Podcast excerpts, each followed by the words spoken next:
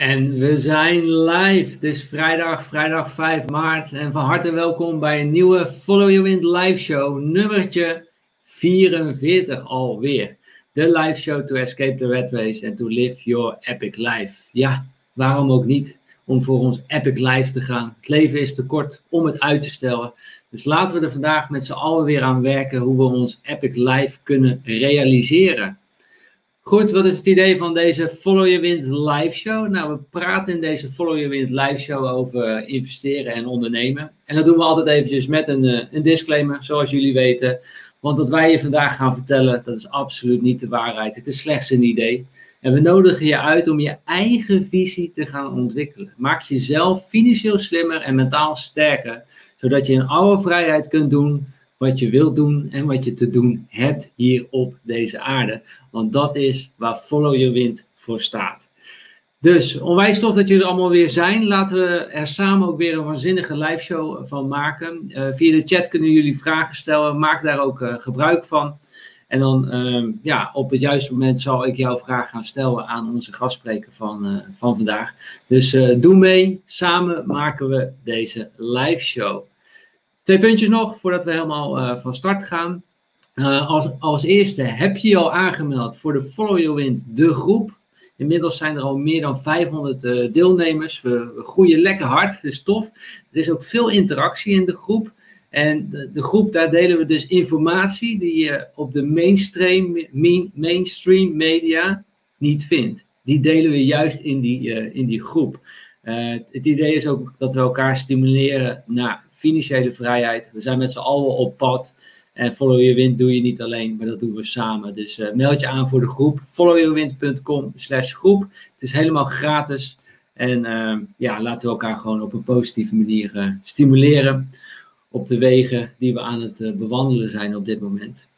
Tweede puntje, even een bitcoin puntje. Want deze week was de Amerikaanse Citibank. Ja, die kwam uit met een heel uitgebreid rapport over Bitcoin. En Bitcoin kwam er eigenlijk helemaal niet zo slecht uh, vanaf. Het lijkt wel of de weg voor de institutionele beleggers ja, eigenlijk steeds vrijer wordt gemaakt voor hen om ook in te stappen. Ik ben benieuwd welke kant we opgaan. Uh, laten we het zien in de komende de weken, zo wat te, te weten komen. Maar het was een positief geluid eh, van de Citibank over, uh, over Bitcoin. Mocht je nou meer willen weten over Bitcoin, je kunt uh, gratis onze Bitcoin videohandleiding downloaden.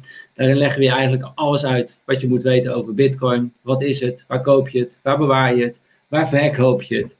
hoe bepalen wij ons instappunt? Hoe ontvangen wij rente op, op onze bitcoins? Leggen we allemaal uit in die gids. Die kan je dus gratis downloaden. followyourwind.com slash gratis koppelteken BVH. En dan heb jij de Bitcoin video handleiding. Goed, waar gaan we het vandaag dan over hebben? We gaan het hebben over de vier economische seizoenen. In welk seizoen zitten we nu en welk seizoen komt eraan? Zodat we ons kunnen voorbereiden op wat eraan komt natuurlijk. En waarom kan bijprinten van geld toch tot deflatie leiden? En welke gevolgen heeft deflatie voor ons als normale burger? Hoe bescherm je je vermogen bij deflatie? Hoe kan je ja, tegen de, de volgende crisis die wellicht gaat komen, hoe kunnen we ons beschermen? We gaan vijf stappen met je, met je delen. En waarin dan te investeren tijdens een periode van deflatie? En waarom is het wellicht slim om je schulden af te lossen? Allerlei zaken die we vandaag met je gaan, uh, gaan bespreken. Dat ga ik niet alleen doen. Dat doe ik samen met een uh, speciale gast die we hebben uitgenodigd voor deze live show. Laat ik hem introduceren zodat hij bij ons in de live show ook uh, live uh, komt. Um, onze gast studeerde uh, Nederlands recht en fiscaal recht in Amsterdam en Leiden. Is gespecialiseerd in advisering voor vermogende particulieren. de vaste begeleider coach van prijswinnaars in de staatsloterij. Sinds 2006 is hij opererend voor zichzelf als ZZP'er. Hij is co-auteur van het boek Deflatie in aantocht. Inmiddels al in de negende druk en auteur van Geld, Goud en Zilver, inmiddels in de derde druk. En jawel, nu, vandaag is hij bij ons in de Follow Your Wind live show. Ik zou zeggen, geef hem een heel groot applaus. En jullie weten hoe jullie dat kunnen doen. Even op dat duimpje onder deze video. Klik daar alsjeblieft op. Daarmee geef je het applaus. Abonneer natuurlijk even op ons uh, kanaal. bijna dagelijks een nieuwe video voor je. En jawel, daar is onze gast van vandaag. Geef hem een groot applaus. Elmer Hogevorst. Wat een eer, Stijn. Goeie, goedemiddag, dankjewel. Graag gedaan en van harte welkom Elmer. Uh, onwijs tof om je in deze live show uh, te hebben. We zijn echt onwijs nieuwsgierig naar, naar jouw visie op wat, uh, wat komen gaat in, de, ja, in onze, onze wereld, in onze financiële wereld. Dus het lijkt me heel tof om het daar samen met jou over te, te hebben. Hoe, hoe ben je eigenlijk in die... Dankjewel dat je me uitgenodigd hebt. Nou, graag gedaan. Ja. Hoe, hoe, ben je zelf eigenlijk in deze financiële, financiële wereld uh, terechtgekomen? Ja, uh, het zijn eigenlijk allemaal stapjes. Als je naar de geschiedenis kijkt, allemaal stapjes geweest. je bent, uh, ik denk dat het in de jaren negentig was. en ook ik heb daar zo mijn zepers ge, gehad. als ik naar de, kijk naar wat er bij mij fout ging bijvoorbeeld. Of fout ging, maar ik ging bijvoorbeeld investeren bij Egon in een of andere uh, koersplan beleggingsfonds. Nou, ik eh, geloof dat ik daar bijna twintig jaar in geïnvesteerd heb. En uiteindelijk heb ik minder teruggekregen dan ik er zelf in belegd had. Dus toen dacht ik, dit ga ik dus nooit meer doen. Dus zo maak je ook zelf uh, je, je, je fouten. We hebben het zelfs, er is een procedure geweest, het is afgekocht, omdat ze veel te veel, een beetje woekerachtig hè, was dat. dus dat ze veel te veel premie in rekening brachten. Maar goed, dat was dat. Maar daardoor was ik wel heel erg geïnteresseerd in de financiële markten en ging ik ze heel nauwlettend volgen. En ik had op een gegeven moment wel het gevoel van, uh, ik las heel veel bronnen van, hey, hier is meer aan de hand. Die economie die groeit wel, maar is het, is het ook gezonde groei? Of is het eigenlijk ja, een beetje kunstmatige groei, zeker als we heel veel geld bijdrukken? Nou ja, en zo kom je van het een in het ander. Ik weet nog goed dat ik ergens, ik denk in, al in 2002, toen vertelde ik eens een keer in een klein gezelschap iets over uh, nou ja, dingen die ik uh, interessant vond. En toen zeiden mensen, goh, dat is boeiend, dat moet je eens vaker doen. Kan je dat een keer een hele avond doen? Nou ja, en ja. zo kwam van het een het ander. Ik ben er zelfs een training in gaan geven. En uh, ja, toen gaf ik lezingen en toen ging ik er geld voor vragen. En nou ja, zo heb ik ooit Erik Mekking, mijn co-auteur, ontmoet. Omdat ik zijn Deflatie in aantocht ging promoten. Zijn oorspronkelijke boek zoals het verscheen. En toen hebben we dat later helemaal zelf hebben we dat helemaal herschreven in eigen beheer. En ook Geld, Goud en Zilver, het andere boek hebben we samen geschreven. En dat was gewoon een hele goede match, wij samen. Hij vanuit historisch perspectief, ik probeerde meer de praktische kant te benaderen. En uh, nou ja, zo rol je erin en komt er van het een het ander. En ineens uh, word je geïnterviewd door jongens als Stijn Zeeman. nou, wat onwijs leuk, hè? ja, ja. ja. En um, nou, het is mooi. Dat je eigenlijk, eigenlijk ben je dus ook gewoon je eigen wind aan het volgen. En opeens ja. zit je dan hier. En, en, en zo, zo gaat dat dus blijkbaar ook in het, uh, in het leven. Want jouw achtergrond en dat zijn, is... En, dat zijn, en Stijn, dat zijn ook echt, hè, jij noemt follow the wind, dat zijn ook echt golfbewegingen, hè? Uh, ja. Want uh, de, de mate waarin ik, zeg ik altijd, de mate waarin ik gevraagd word voor dit soort uh, dingen, dat golft op en neer. Bijvoorbeeld met, nou ja, de financiële markt. Als het heel goed gaat, dan hebben mensen meestal wat minder interesse in me. En als het wat minder gaat, of we komen in een crisisfase, dan zie je ineens dat ik veel meer gevraagd word. Het is wel leuk om te zien hoor. Dus ik follow niet alleen my wind, maar ook anderen follow, follow their wind. Ja. En zo zie je hoe dat gaat echt met de windvlagen komen ze en gaan ze. Maar merk je ja. nu ook een verschuiving dat wellicht beleggen vroeger meer alleen voor de, nou ja, met alle respect, maar voor de, de, de, de, grijze dakduiven wou ik zeggen, maar dat er nu ook veel meer jongeren geïnteresseerd zijn. Komen er nu ook veel meer ja. jongeren jouw kant op? Ja, absoluut. En dat is echt, uh, kijk, ik had een Instagram, uh, ik heb een Instagram account en ik deed er wel wat mee, maar het is meer dat, nou ja, ik af en toe de berichten van, uh, van mijn kinderen likte of zo. Hè? Maar voor de rest was ik er niet heel erg mee bezig. En sinds die tijd, sinds nou ja, recent een aantal interviews die ik gehad heb, krijg ik ineens honderden aanmeldingen via Instagram. Terwijl vroeger ging dat via LinkedIn, misschien meer, gebeurt ook wel hoor. Of via, via Facebook. Maar het is, nu, het is nu vooral Instagram wat de klok slaat. En daar merk ik echt aan dat heel veel jongeren ermee bezig zijn. ja, om te kijken hoe ze, nou ja, wat jij zo mooi in je introductie zei van uh, ja, hoe kun je, je op zoek naar je financiële vrijheid, hoe kun je jezelf wapenen, hoe kun je jezelf informeren, zoek naar informatie. Heel belangrijk om je eigen pad daarin te bewandelen. En dat zie ik heel erg terug bij jongeren. Ja, ja ik vind het ook tof om te zien. En, en, Ja. En, niet, niet, niet, niet alleen mannen hoor. wat nu ook vooral opvalt, is het dat het ook heel veel vrouwen zijn die er juist mee bezig zijn. En dat vind ik ook heel leuk. Dat is ook heel goed. Ja, nou, en Mohamed die zegt ook van, ja, zou beleggen niet een vak moeten worden op de middelbare scholen? Of gewoon investeren in het algemeen?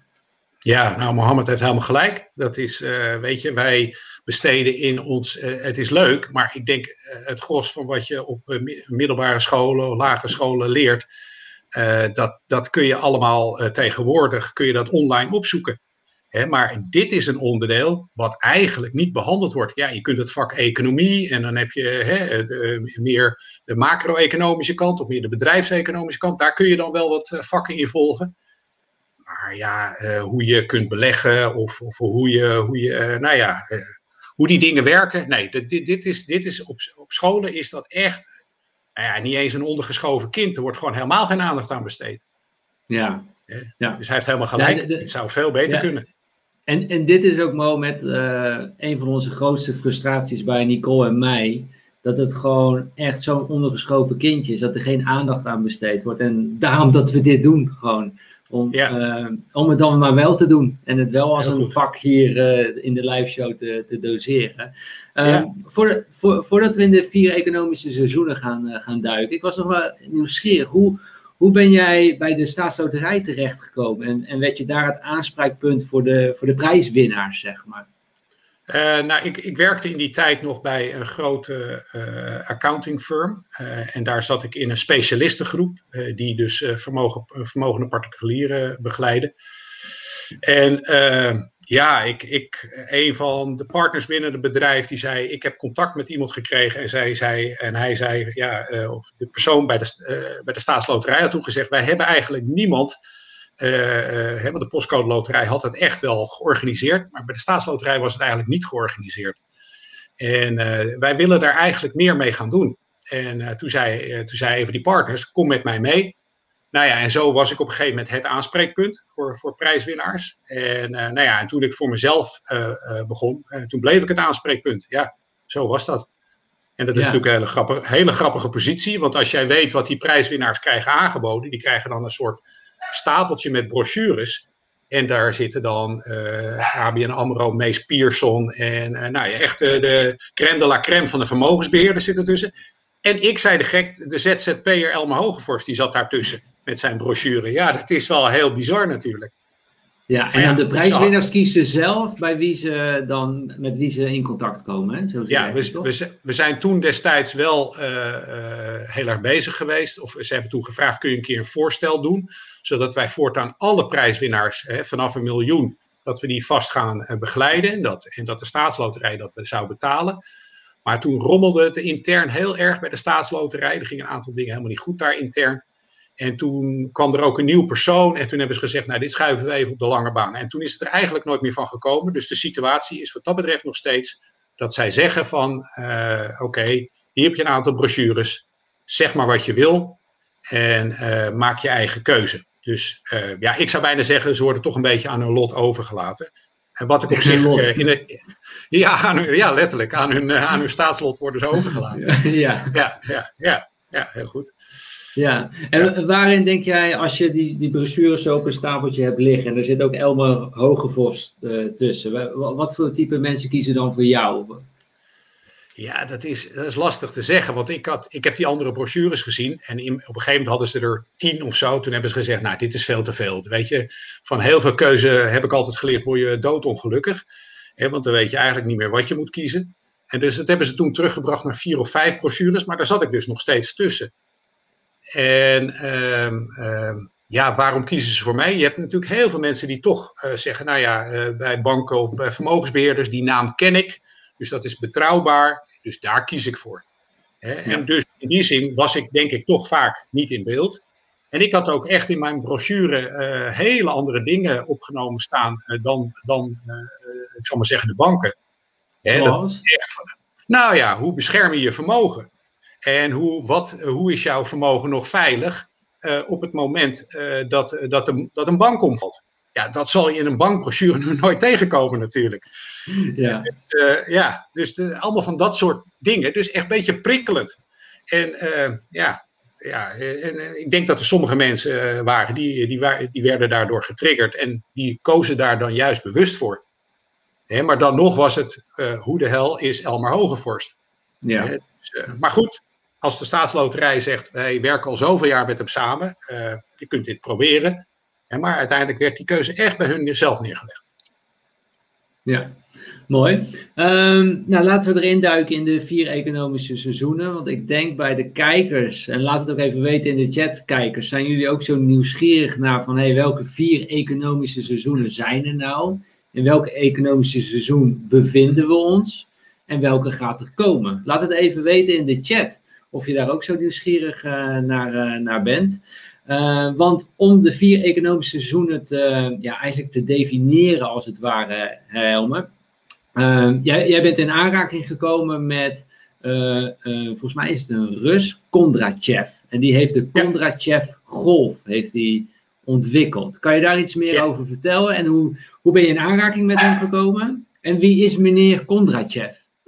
Ja, nou ja, meneer uh, Kondrachev uh, was een Russisch econoom. Hij leeft al niet meer, hè, is geloof ik in 19, okay. zeg uit mijn hoofd, 38 overleden. Uh, hij is geëxecuteerd trouwens door Stalin, want Stalin had gevraagd van breng eens in kaart wanneer de westerse economieën ten onder gaan. Dat was letterlijk zijn opdracht. En hij heeft dat dus uitgebreid onderzocht. En ja, hij is gaan graven natuurlijk in de historie. En toen zaten we in een agrarische samenleving. En uh, nou ja, toen, toen had je dus, uh, ik, ik, denk dat toen misschien wel 80, 90 procent in, in de 19e eeuw bestond uit uh, ja, agrarische samenleving. Dus toen had je dus ook een hele andere samenleving dan nu. Hè, wat veel meer hè, die tertiaire samenleving is. Hè, een moeilijke term voor hè, de dienstensector. Wij, wij, wij, leven nu heel erg van de dienstensector. Mensen die diensten verlenen aan anderen. En want het maken van producten en zo, dat doen we tegenwoordig allemaal in Azië. dus dat, zijn concept is in, in dat opzicht wel wat veranderd. Maar het was wel interessant om, uh, om, om te zien uh, nou ja, wat, wat hij heeft opgeschreven. Het grappige was dat Stalin in eerste instantie ook zei van... Uh, ja, prachtig, hartstikke goed gedaan. maar ja, hij had een, vijfjarenplan.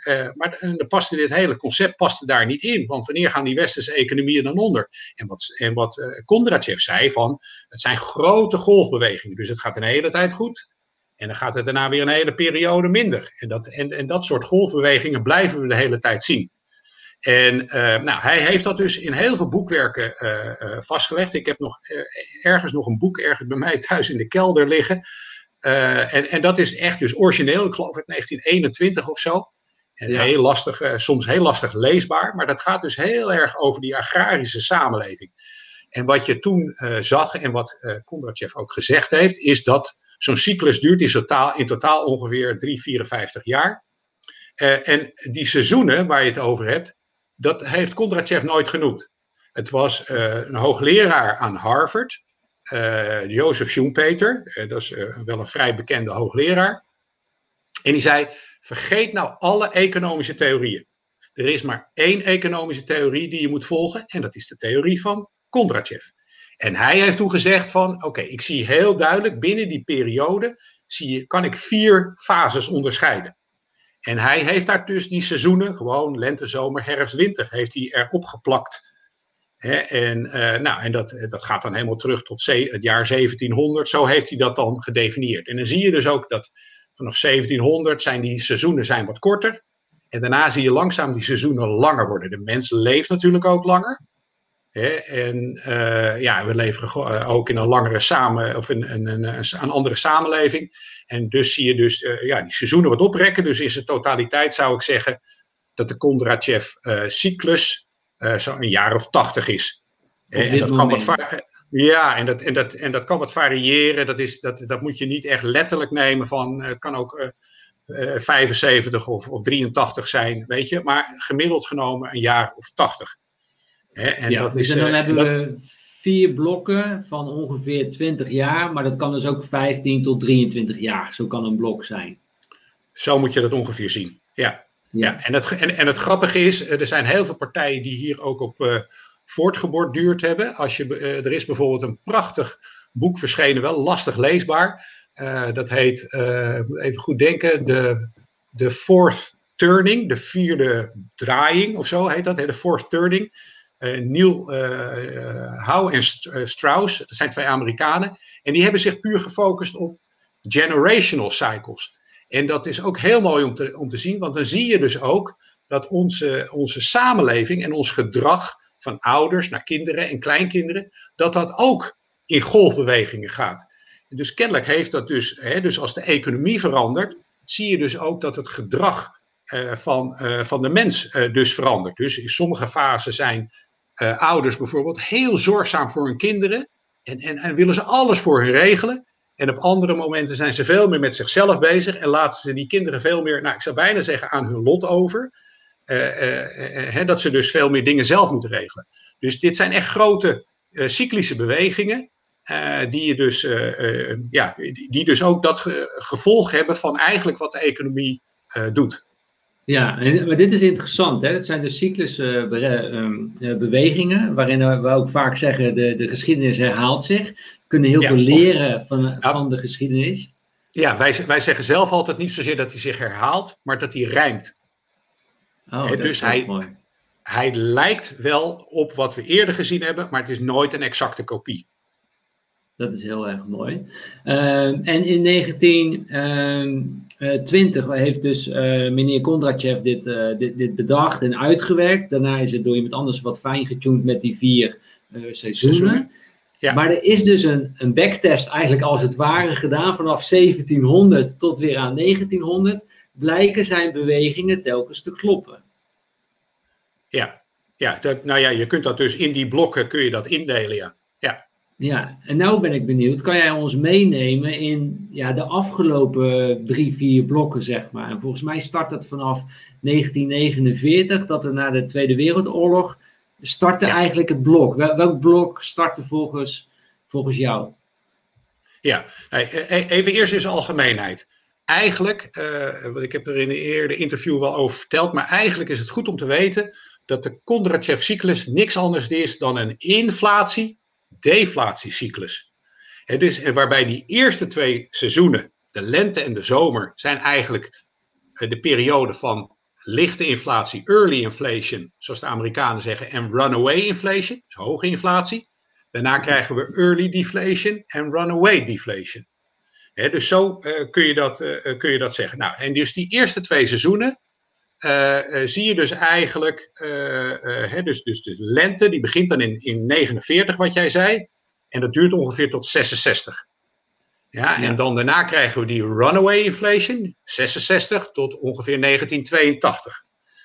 Nou, en die eerste fase is eigenlijk, dat noemen we ook wel de herstelfase, dat is logisch. We, nou, we komen natuurlijk ook uit die Tweede Wereldoorlog, maar we zaten ook natuurlijk in een economische depressie van de vorige periode, de, de, de, de Kondratjev-winter, die van 1929 tot 1949 duurde.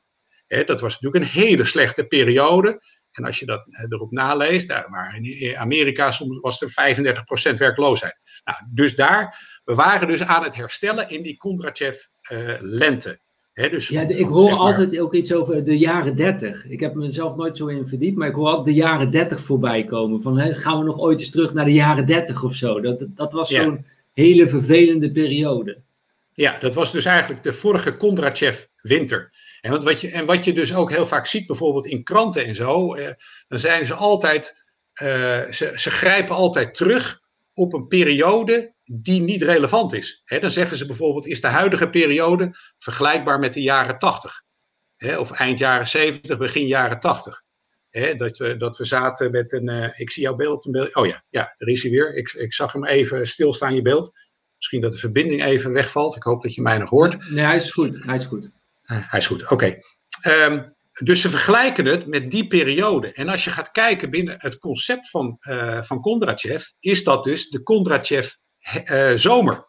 dus we, we, gaan dan de winter vergelijken met de zomer. Die zijn niet, niet vergelijkbaar. want we hebben nu juist een, dalen, een dalende periode van disinflatie of, of deflatie en een dalende rente, terwijl we toen juist hele hoge eh, inflatie hadden. Dus die periodes zijn dus niet vergelijkbaar. Dus je moet echt voor de huidige periode terug naar de vorige Kondratjev winter.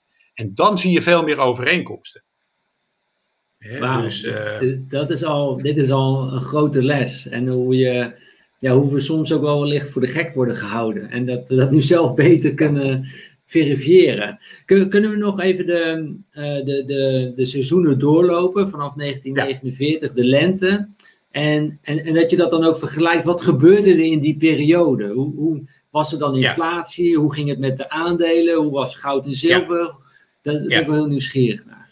Ja, nou 49, 66. Laten we die als eerste nemen. Aandelen deden het prima.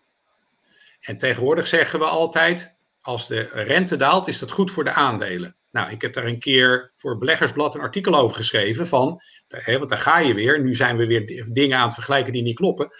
Uh, die Kondratjev lente, dan zie je dus de aandelen het goed doen, maar je ziet ook de rente stijgen. En dus terwijl de rente toenam, zie je dus ook de aandelen het goed doen. Dus kennelijk is, zijn er heel vaak andere correlaties denkbaar.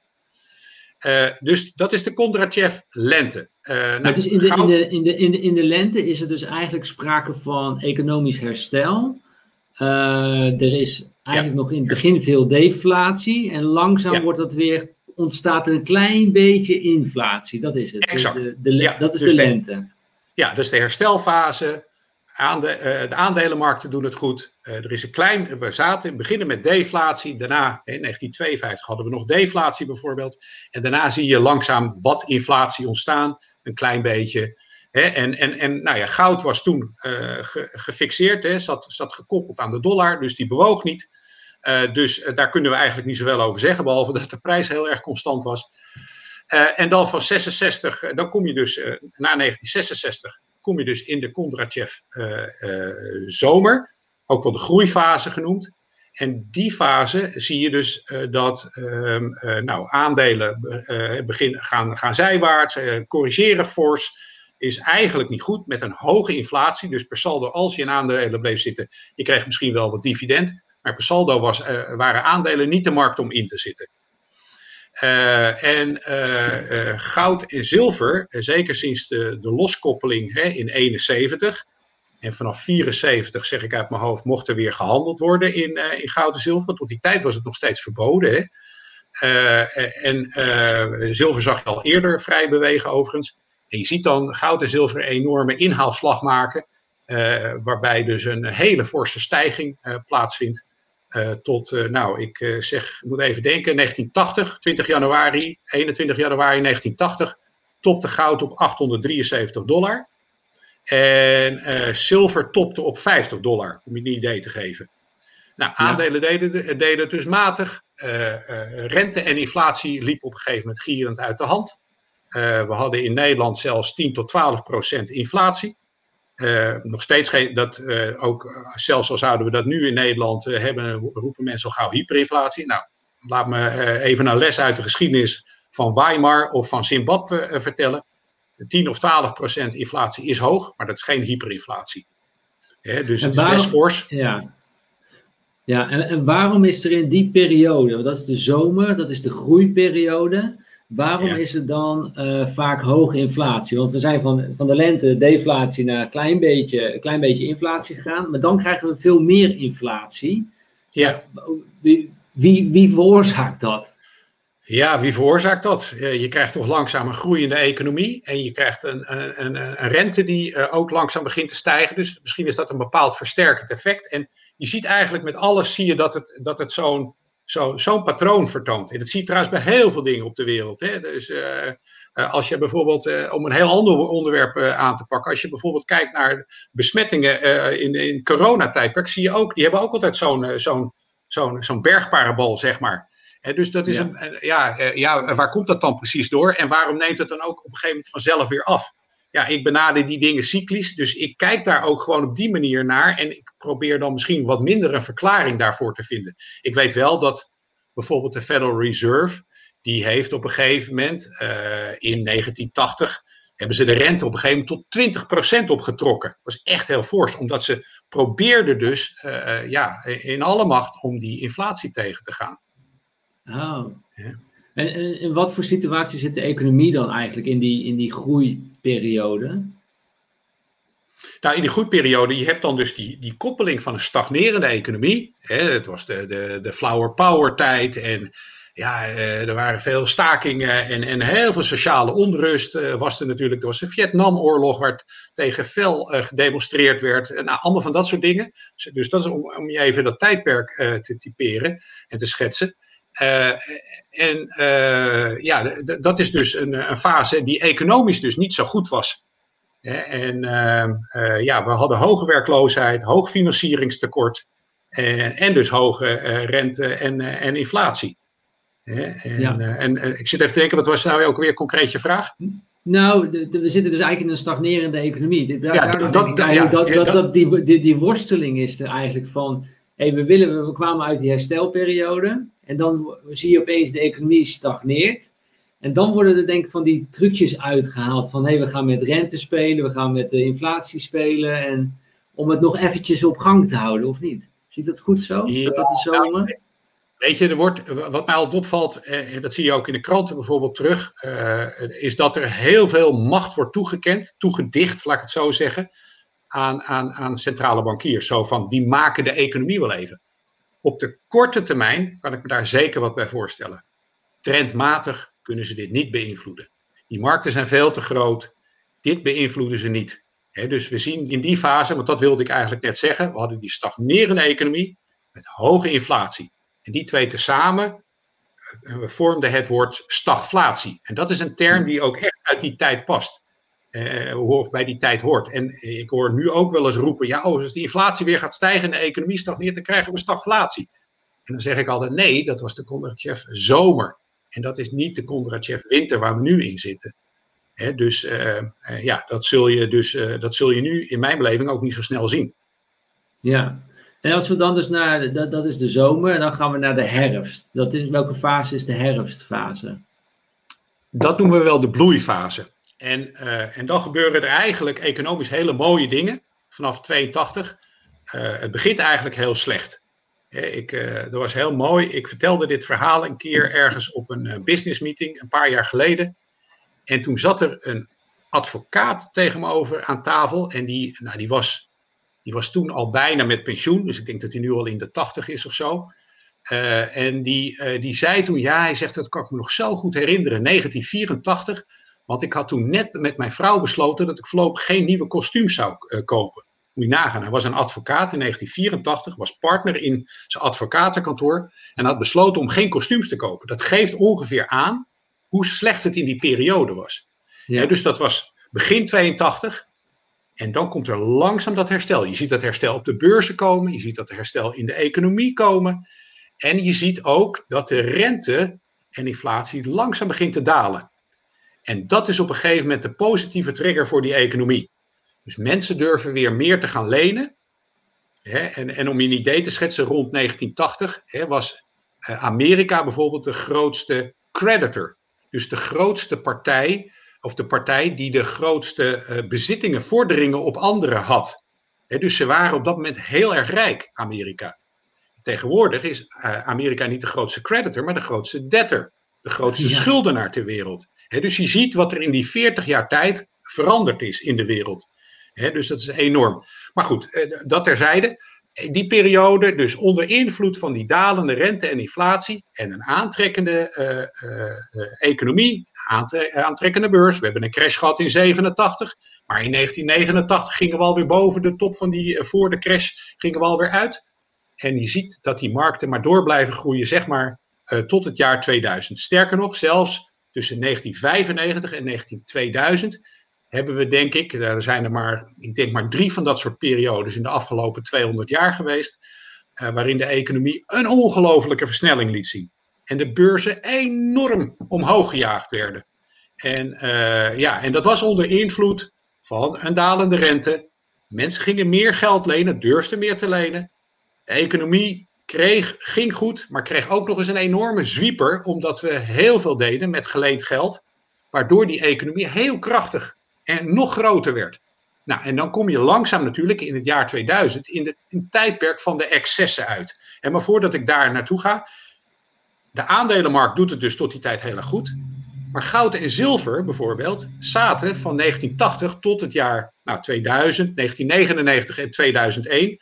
Dat zijn de twee jaren waarin goud en zilver een bodem uh, maakten. op 250 dollar. Dus moet je nagaan, we zakten van 8,73 naar 250 dollar. Hè, voor de goudprijs bijvoorbeeld. En zilver bodemde trouwens pas in 1993. Zilver appt altijd na, loopt voorop en, en loopt erachteraan. En, en zilver ging dus van 50 dollar naar 3 dollar terug.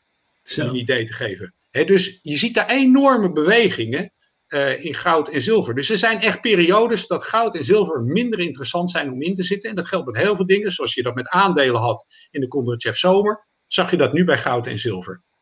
Hè, en dat, dus dat is de herfstperiode is dat. Hè? En dat was dus in dit geval van 1992 tot 2000, 2002. Nee, 1982 tot 2000, zeg maar. Ja, exact. Ja. die 20 jaar. Dat is de herfstperiode, de bloeifase. Waarin we dus uh, lagere rente hebben, we geven meer ons geld uit.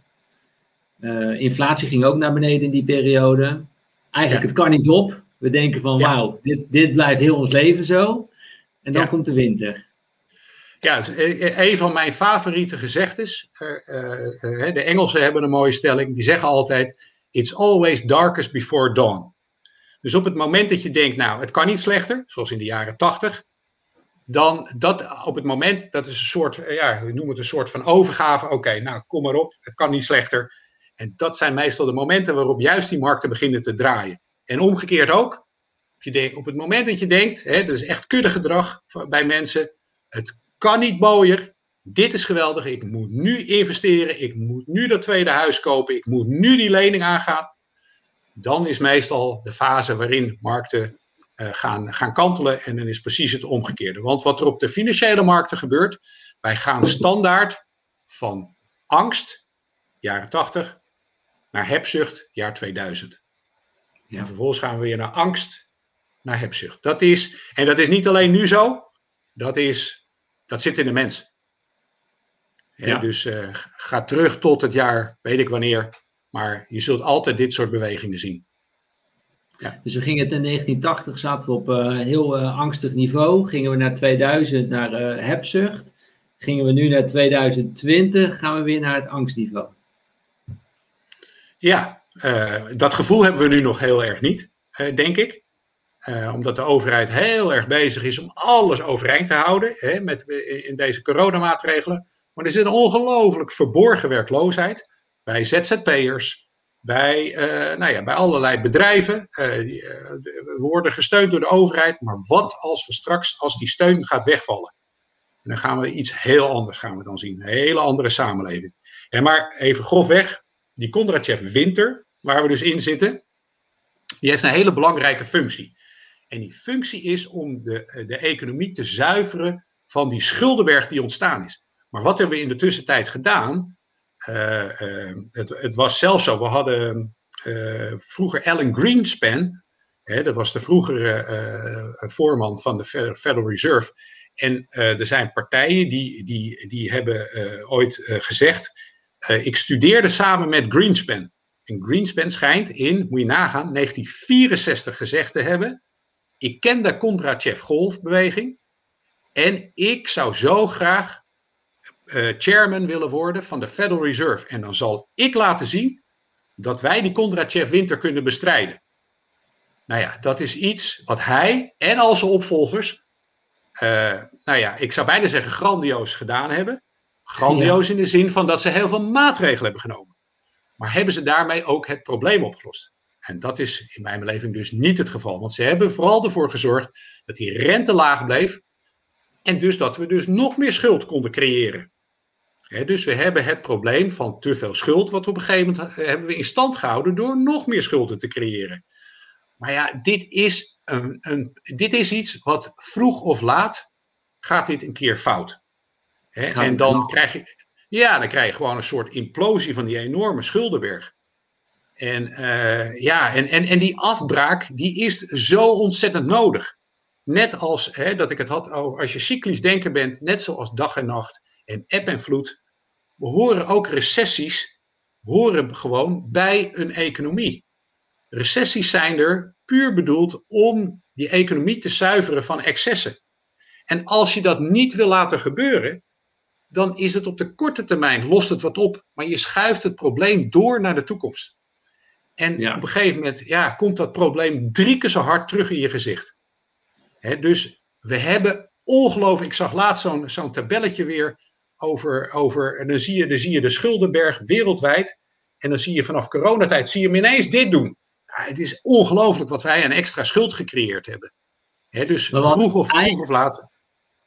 Ja, wat, maar wat het dus eigenlijk, als ik het goed begrijp, is het vanaf 2000 zou eigenlijk het winterseizoen zijn.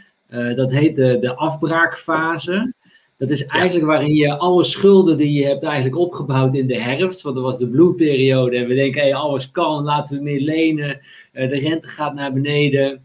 Uh, laten we gewoon nog wat meer lenen. Eigenlijk is de winter dan bedoeld, die afbraakfase, om dat gewoon ja, weer te herstellen en die schuldenberg te zuiveren. Je hebt eigenlijk een soort van eigenlijk een soort van uh, schuldenpuist heb je. En die, die moet er even uit, zeg maar. Daar, daar is die winterperiode voor. Ja, want we, uiteindelijk gaan we weer naar die Kondratjev lente. En die lente, die, ja, daarin willen we een fase hebben waarin die economie langzaam weer kan herstellen.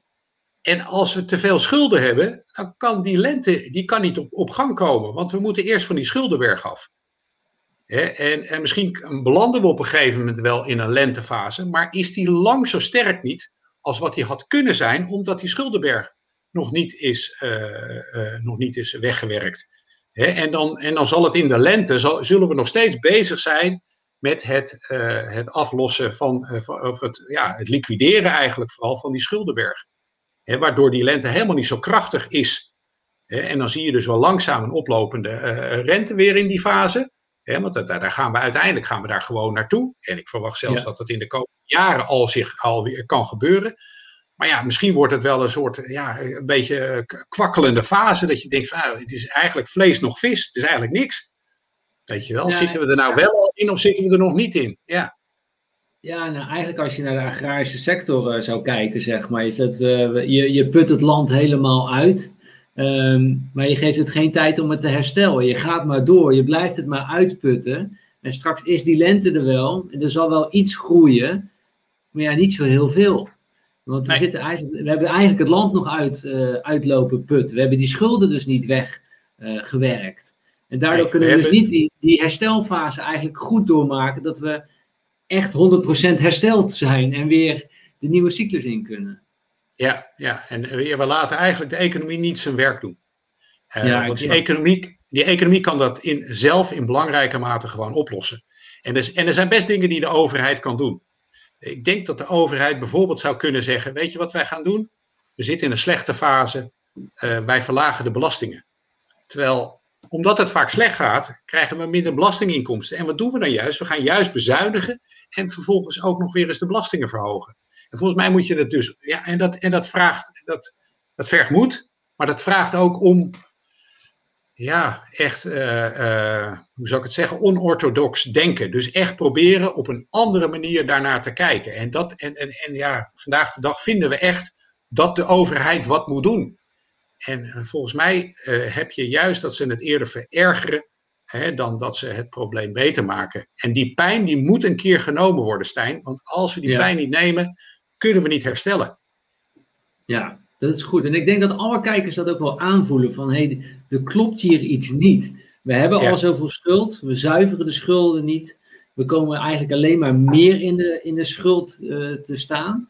Um, hoe, hoe lang kunnen ze nog dit blijven volhouden? Hoe lang kan er nog geld bijgeprint worden, zeg maar, om maar het eigenlijk maar uit te stellen, dat, die, um, dat herstel?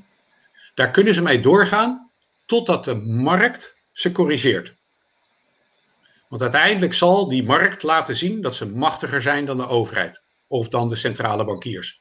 En dat betekent dat op het moment dat bijvoorbeeld die rente gaat stijgen, dan krijg je gewoon dat uh, ja, de markt automatisch gaat corrigeren. Want er zijn heel veel partijen, zeker in Amerika is dat het geval, uh, uh, daar kun je heel makkelijk leningen kun je oversluiten. Eh, bij ons zetten we vaak de rente vast. Nou, dat is, uh, dan heb je er eh, geen of minder last van. Totdat natuurlijk je rentevaste periode afloopt. Hè. maar er zijn andere landen, ja, als die overheid weer geld moet gaan lenen op de markt. En het kan ineens niet meer tegen 0% of zelfs tegen een negatieve rente. ja, dan, dan wordt het dus duur. En dan zal die overheid dus ook zeggen, ja, dat is leuk, maar dat lenen, dat wordt nu al heel erg duur. En ja, kan, kunnen we dat nog wel dragen? En dan zul je gaan zien dat, dat, dat die markten gaan gewoon veranderen. Dan komen de partijen in de problemen omdat die rente gestegen is. En dan uh, vallen de bedrijven om. En dan, en dan komt de overheid zelf misschien in de problemen. Dus, en ook centrale bankiers die heel veel van die obligaties hebben opgekocht. Die zullen een enorm verlies gaan leiden op die opgekochte obligaties omdat als de rente stijgt, dan dalen die obligaties in, in, in, in koers. En dan zul je dus zien dat, zij, dat, dat ze zelf gewoon op een gegeven moment met een negatieve positie komen te zitten. Ja, want die hebben geloof ik wel voor 4000 miljard of zo hebben ze aan obligaties opgekocht. En maar, hoe komen ze daar vanaf dan? Wat, wat gaat er dan gebeuren? Ja, zeg het maar. dan moeten ze voor zichzelf nog meer geld gaan drukken of zo. Om dan ervoor te zorgen dat, dat ze zelf overeind kunnen blijven je, komt je ontkomt uiteindelijk niet aan een, een grootscheepse sanering van, van, de, van de financiën. Overheidsfinanciën, maar ook uh, particulieren en, en, en, en, bedrijfsleven zullen daar hun, hun eigen ding hebben.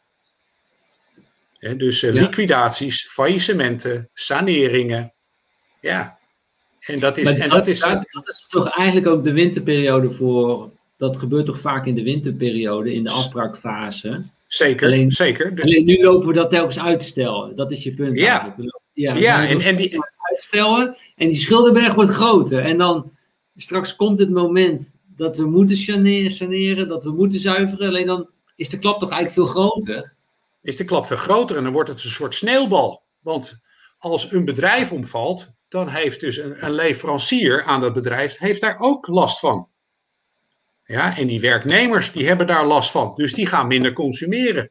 Dus ook andere bedrijven hebben daar last van. Dan krijg je een soort sneeuwbaleffect. Ja. Is er een verwachting van iemand op in welk jaar zo'n collapse zou kunnen, uh, kunnen plaatsvinden? Ja, is moeilijk te zeggen. Kijk, uh, Erik, uh, Erik Mekking en ik, toen we het boek schreven, hebben we ook heel sterk gekeken bijvoorbeeld naar de demografische ontwikkeling. Want dat speelt er ook nog eens heel erg doorheen.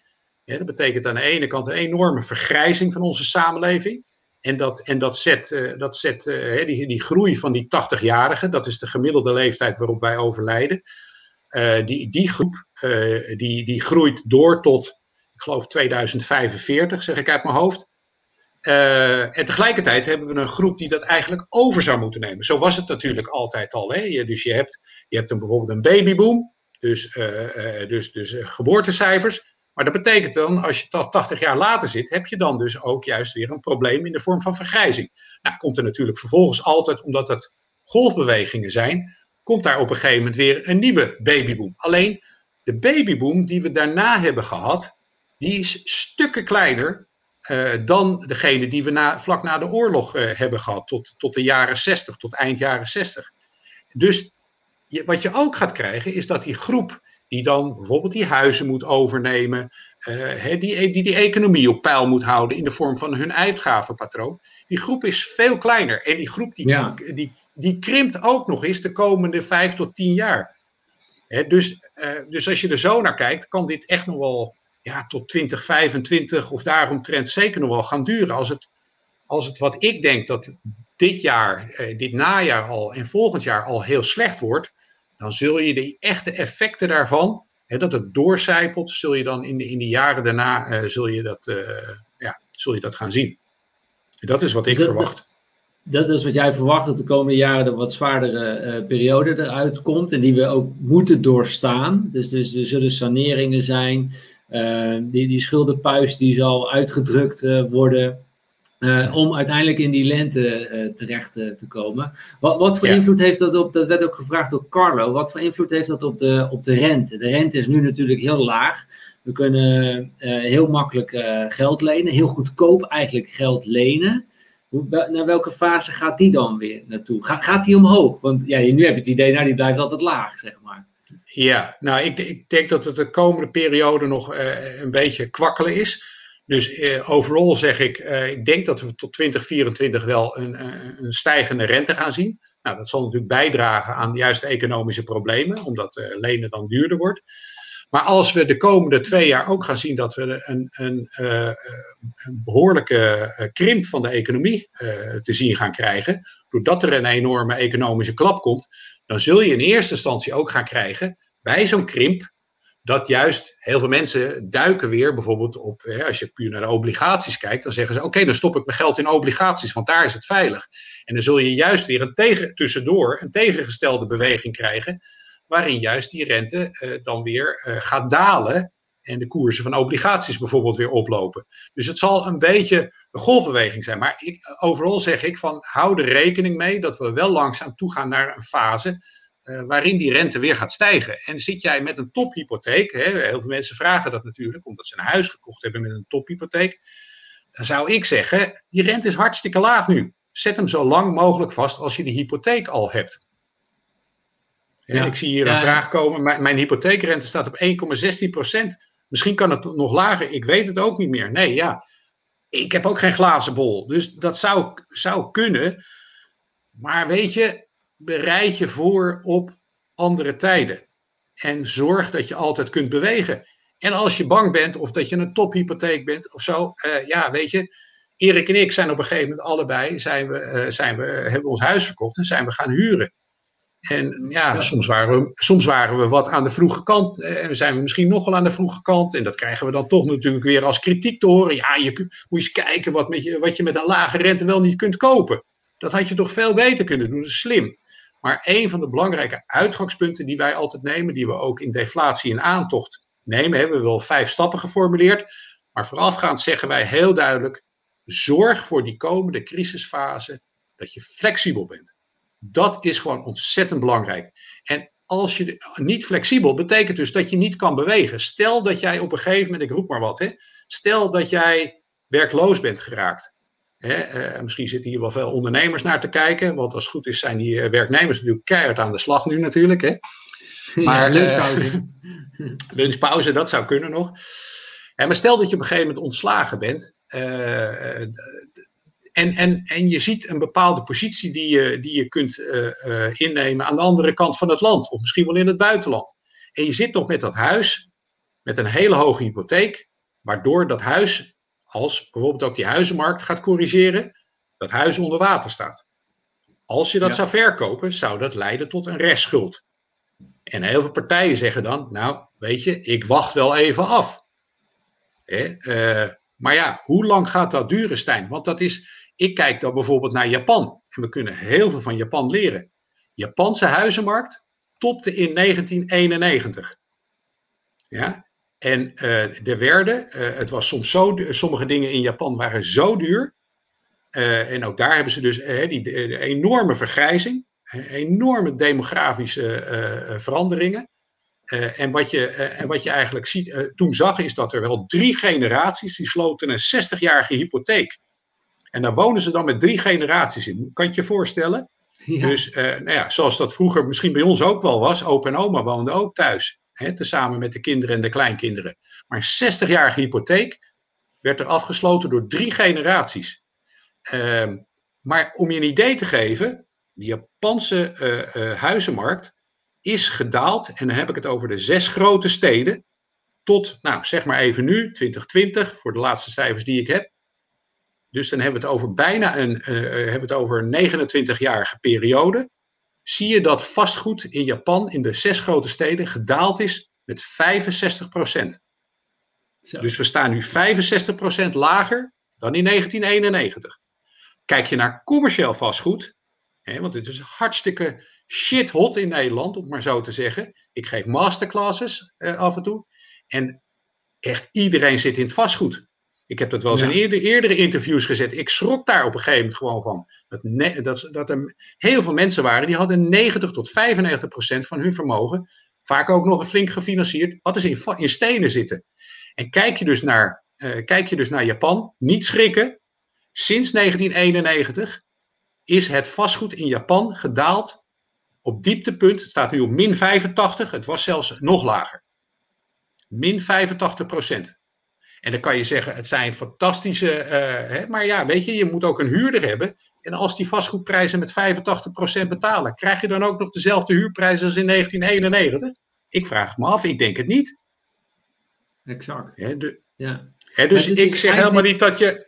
Ik zeg helemaal niet dat je daarom dus niet in vastgoed uh, zou moeten zitten. Maar gelet op het feit dat alle mensen nu massaal in vastgoed stappen en daarmee bezig zijn, heb ik het idee, ik kijk puur naar dat kuddegedrag.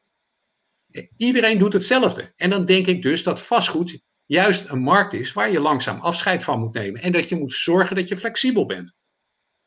Ja. Stel je voor dat je net als de Japanners 30 jaar in een bear market zit, in de huizenmarkt.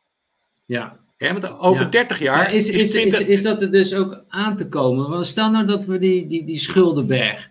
Dat, dat, dat de, de omwenteling komt. En we gaan saneren. We gaan de schulden we gaan zuiveren. Uh, de rente gaat omhoog. We gaan naar die lenteperiode. Dan is er dus ook sprake van niet inflatie, maar deflatie, als ik het goed begrijp. Ja. ja. Wat, wat, dus wat voor effect heeft dat op de huizenprijzen?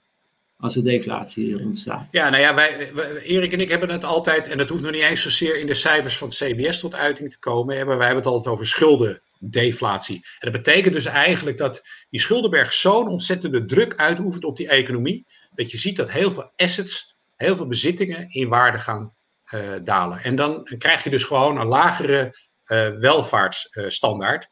Uh, en, en ja, dat gaat dan betekenen dat, dat, dat die vastgoedmarkt denk ik, best wel behoorlijke klappen kan krijgen. En dat gaat nooit in één rechte lijn. Ja, maar dat kan ook betekenen dat je eerst een behoorlijke klap krijgt en dat je dan bijvoorbeeld, ik roep maar wat, van 2025 tot 2036 weer, uh, weer een, een, positieve periode, maar dat er dan vervolgens die, golf, die volgende golfbeweging komt. En dat je in die tussenliggende periode, dat mensen denken van 2025 tot 2036, ik roep maar wat hoor.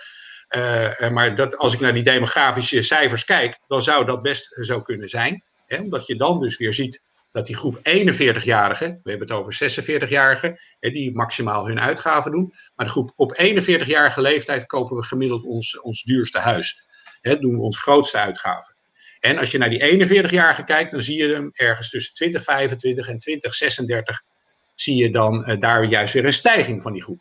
Dus het zou best kunnen dat wij dan uh, weer een herstel krijgen op die huizenmarkt, maar dat we voor die tijd uh, ja, gewoon wel een, een, hele slechte fase hebben gehad. Dus dat het eigenlijk een herstel is op een grote daling. En dan zou daarna zou weer de volgende dalingsgolf kunnen komen. En, maar dat is lange termijn. En, en misschien dat mensen in de tussentijd zeggen van zie je, we hebben dieptepunt gehad. Dan gaan we over tot de orde van de dag. Maar als je weet dat je tot 2045, 2050 zit met nog steeds een enorme vergrijzing. Uh, ja, de Japanners die zitten nu al 30 jaar zitten ze in deze uh, ellende, wat, wat hun huizenmarkt betreft. 2050 is 30 jaar vanaf hier, hè? Uh, dus ja. ja, wie zegt maar, dat, maar, dat maar, bij... maar, dat, maar dat houdt eigenlijk door die Kondrachev-golf, zou je eigenlijk zeggen, er moet eigenlijk een fase van deflatie aankomen. Anders kunnen we gewoon niet verder. Anders kunnen we niet naar de lente, kunnen we niet naar de zomer. En anders worden de schulden steeds maar groter en wordt het probleem eigenlijk alleen maar groter. Het, het, ja, tot op een gegeven moment is afrekenen. Gewoon, we moeten een keer afrekenen. Dus als, we, als ik het dan goed begrijp, om ons voor te bereiden, is in een periode van deflatie, is juist cash eigenlijk heel erg handig. Want je, ja. je kunt met je euro kun je meer kopen. Mensen, uh, ja ja, mensen gaan. Is het zo dan met deflatie? Hè? Ik, dat, uh, dat je denkt van, nou, dus deflatie, mijn euro wordt steeds meer waard. De huizen zie je worden minder waard. Dat, je, dat mensen gaan denken, nou, ik wacht nog even met een huis kopen. Want volgende maand koop ik dat huis goedkoper. Ja, dat zou kunnen. Uh, maar ik, weet je, redenerend weer vanuit angst en hebzucht. Hè?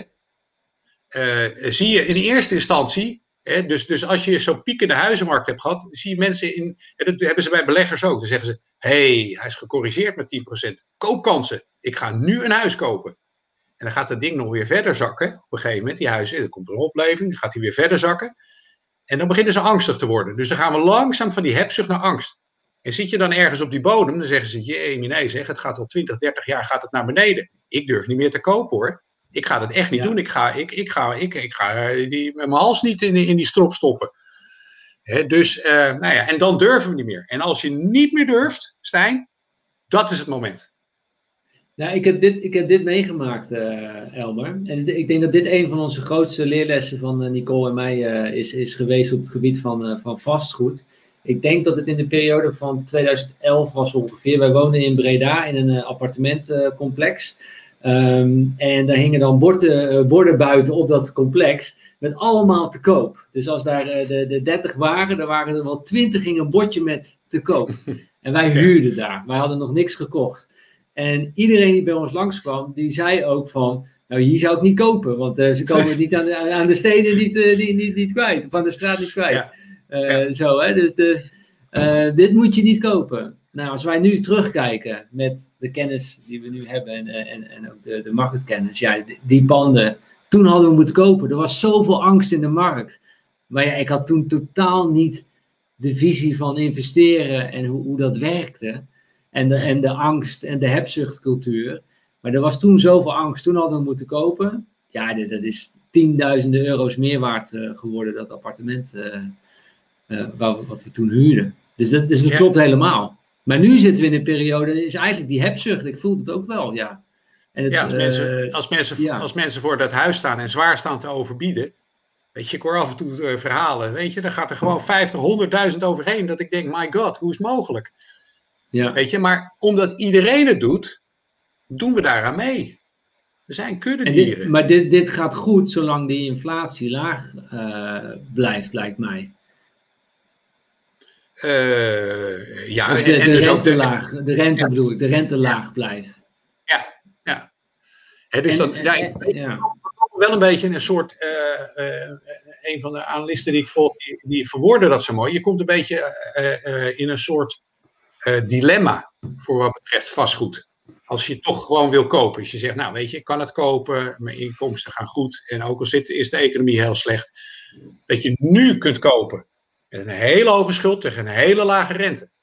Of over een paar jaar uh, uh, met een, een, lagere schuld, want die huizenmarkt is gecorrigeerd, of is aan het corrigeren, tegen een hogere rente. Dus wat is wijsheid? Ik zou het niet weten. Ja. Maar zie je, de, dat is dan het dilemma waar je tegenaan loopt. Koop ik duur tegen een lage rente of koop ik goedkoper tegen een hogere rente? Ja, dat is interessant. En ik denk dat dit ook heel erg samenhangt met in welke positie zit je op dit moment. Wat zijn nog je, je doelen in het leven? Hoe oud ben je? Het gaat om een veel groter plaatje uh, uh, dan dat je kunt zeggen van hé, hey, je moet nu wel of niet kopen. Het hangt denk ik ook heel erg van je eigen situatie af, ook van je eigen risicotolerantie af. Hoeveel risico ja. ben je bereid om te nemen? Maar wat jij mij nu wel, wel leert, is wel heel goed om over na te denken als je vastgoed gaat kopen voor de verhuur. Uh, denk na welke hefboom neem je, hoeveel financiering neem je en hoeveel eigen inleg neem je. En, en wellicht is het gewoon, voor mij persoonlijk is het fijner om gewoon wat meer eigen inleg te doen. Terwijl andere mensen zullen zeggen, ja, daardoor kun je minder huizen kopen. Ja, dat is waar, maar ik slaap wel wat lekkerder. En ik ben, wel, ik ben wel voorbereid op een periode waarin deflatie is en de, de rente bijvoorbeeld omhoog zou, zou gaan. Komt mijn huis niet onder water te staan, omdat ik al genoeg heb, heb, heb afbetaald. Ja. Ja, en uh, komt niet de bank bij mij aankloppen van: hé, hey, uh, je huis staat onder water, kun je even bijstorten? Want uh, het is niet meer helemaal gedekt, je lening. Ja, en kan je ja. even 20.000 euro bijstorten? Ja, precies. Weet je, Stijn, ik, ik adviseerde, nou, ik denk alweer 15 jaar terug of zo, adviseerde ik een vastgoedpartij. En die waren in de jaren 70 begonnen.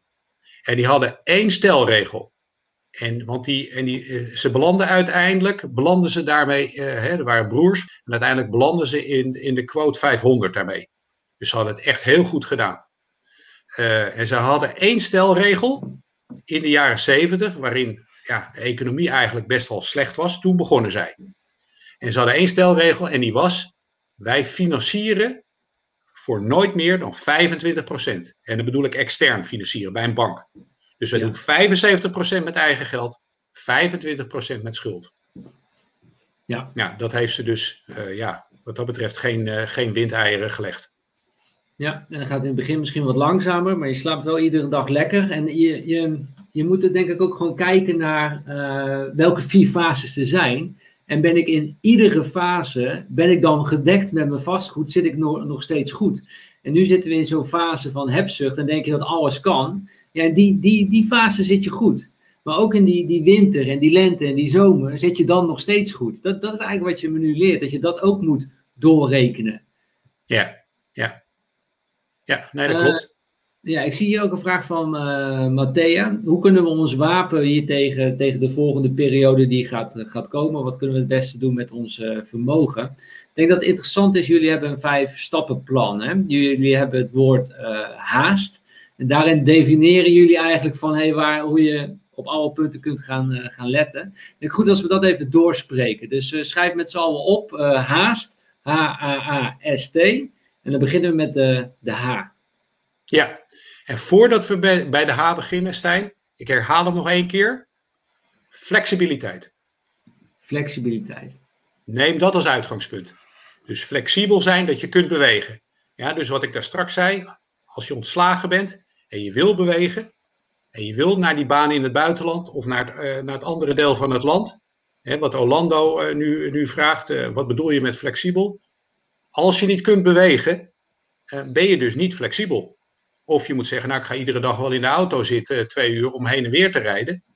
Maar bij, ja, als je, en dan kom je dus vanzelf bij die H uit, die eerste H, als het om, om, om, gaat om, om, om de H van, van huizen, hypotheek en huur dan moet je je afvragen, als je voor die keuze staat, moet ik wel weer een huis gaan kopen met een hele hoge hypotheek, juist in deze tijd. Het kan, dus zet die rente dan voor een hele lange periode vast.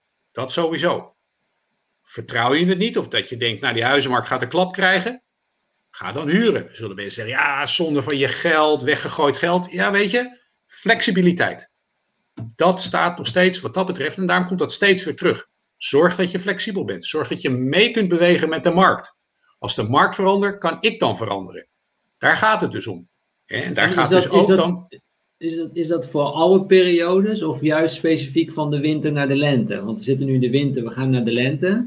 Of zeg je van nee, je moet, juist in deze periode moet je flexibel zijn. Moet je flexibel zijn. Ja. En waarom is het van, dan van de winter naar de lente? Waarom is het zo belangrijk om in die periode flexibel te zijn? Omdat dit die afbraakfase is en je dus geconfronteerd kunt worden met marktomstandigheden die we allemaal niet willen.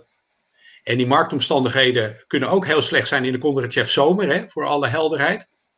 Hè, maar uh, nou ja, goed, uh, misschien moet je, moet je dan ook wel zeggen dat je flexibel moet zijn met een hele hoge rente. Maar dan zijn mensen al automatisch, uh, ja, ik zou bijna zeggen flexibeler of voorzichtiger, omdat ze dan tegen heel veel rente, hoge rente moeten lenen. Terwijl nu zien we die dollartekens in onze ogen. We kunnen dat hele dure huis kopen tegen een hele lage rente. Dus waarom zou ik het niet doen?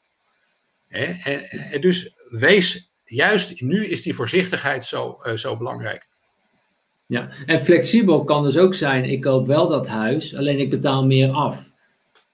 En daardoor staat niet, staat niet onder water. En kan ik, gewoon, kan ik kijken van nou, ook al uh, is er uh, deflatie of ook al gaan de, de huurprijzen naar beneden, ben ik nog steeds wel heel erg gedekt.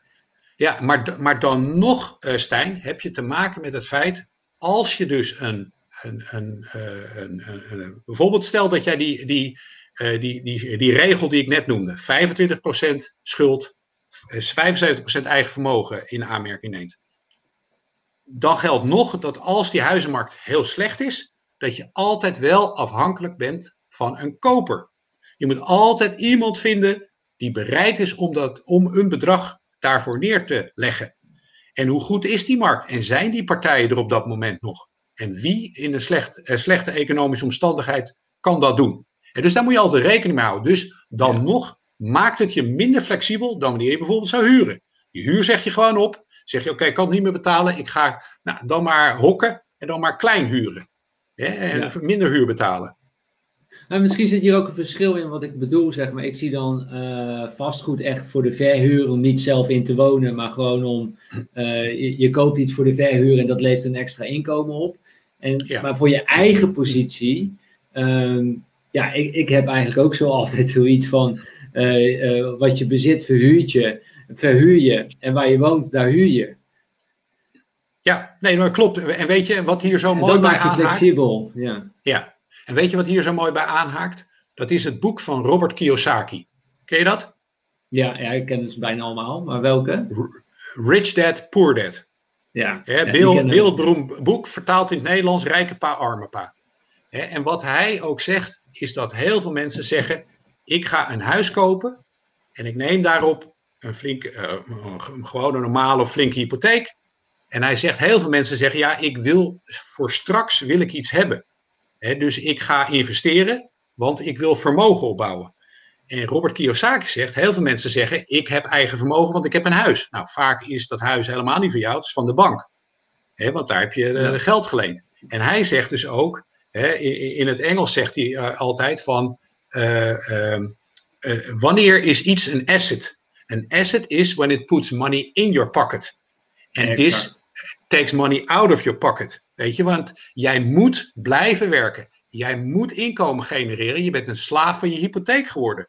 Dus je moet werken om uh, die, die, uh, die, die hypotheek te kunnen betalen. Terwijl op het moment dat jij inderdaad geld opzij zet en dat beleggingspandje koopt, en niet de plek waar je zelf woont, hè, maar wat je verhuurt aan anderen, dan levert dat dus op dat moment inkomen op en dan is het een asset.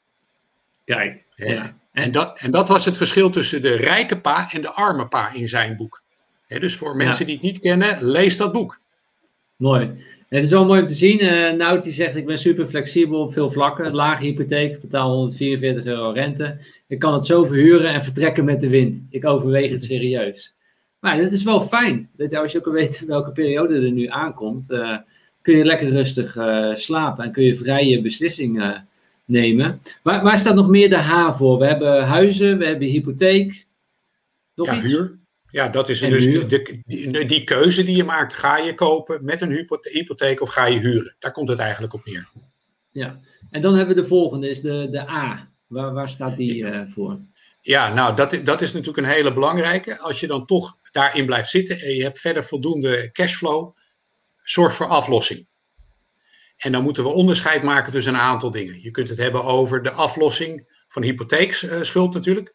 Maar je kunt het ook eh, hebben over de aflossing, wat heel veel mensen, zeker Amerikanen, maar in Nederland denk ik ook wel hebben. Zijn creditcardschulden of persoonlijke leningen. Mensen lenen soms geld om bijvoorbeeld een auto te kopen, omdat ze daarmee naar hun werk moeten. Dus uh, die, die laatste twee, die creditcardschulden, nou dat gaat vaak uh, over woekerrentes, soms wel 12, 13 procent, echt, echt schandalig bijna of, of gewoon schandalig. Dat zijn de eerste die je af gaat lossen, want dat kost echt serieus geld. Nou, vervolgens doe je, los je die persoonlijke lening af. En uiteindelijk, omdat de rente nog steeds aftrekbaar is, kies je voor de aflossing van je hypotheekschuld. dus het is dan heel erg belangrijk om te ontschulden, zal ik maar zeggen. dus uh, de A staat voor aflossing. Kan bijdragen aan je flexibiliteit. Zorg ervoor dat je aflost op je schulden. Mooi. In een periode dat we van de winter naar de lente gaan, we hebben die, die schuldenpuist, die moet een keer gezuiverd worden. Uh, kan je zelf beter allemaal beter beginnen om je eigen schulden gewoon uh, uh, af te lossen. Want is ja, het ook de, zo in een, in een periode sorry, van deflatie, zijn eigenlijk je schulden ook duurder? Worden die ook steeds ja. duurder, zeg maar? Schulden worden meer waard, ja. ja. ja. En, en, en banken zijn onder, ja, tezamen met de overheid hebben ze op een gegeven moment wel maatregelen genomen om te zorgen dat mensen niet meer aflossingsvrij uh, uh, kunnen, kunnen lenen. Maar dat, dat is eigenlijk veel te laat gebeurd. Dat gebeurt eigenlijk al, hè, de kalf en het dempen van de put, weet je. Dus het is te laat geweest. En als je nu naar de cijfers kijkt, is het geloof ik nog steeds zo dat alle nieuwe hypotheken word je verplicht om, om, minimaal de helft daarop af te lossen. En maar wat je in de praktijk dus ook ziet, ik geloof dat van, van de totale hypotheek, schuldenpuis die wij hebben, is 50% is aflossingsvrij. Dus uh, ja, dat is gigantisch. Dat betekent dat, ja. en heel veel mensen denken, oh, dat is 30 jaar. Maar na 30 jaar moet je die schuld wel ineens aflossen, in zijn geheel. En, dan, en, en zou die, die bank daaraan mee willen werken, ja, uh, dat je dat nog verlengt, wellicht, het zou kunnen, maar de rente is dan in ieder geval niet meer aftrekbaar. Ja, maar dit, is, dit doet me ook weer iets aan denken. Want mensen zeggen, ja, maar in de afgelopen 30, 40 jaar zijn de huizenprijzen altijd gestegen. Maar die Kondratjev, die kijkt eigenlijk over een periode van 80 jaar. Je moet eigenlijk verder terugkijken. Wellicht ook.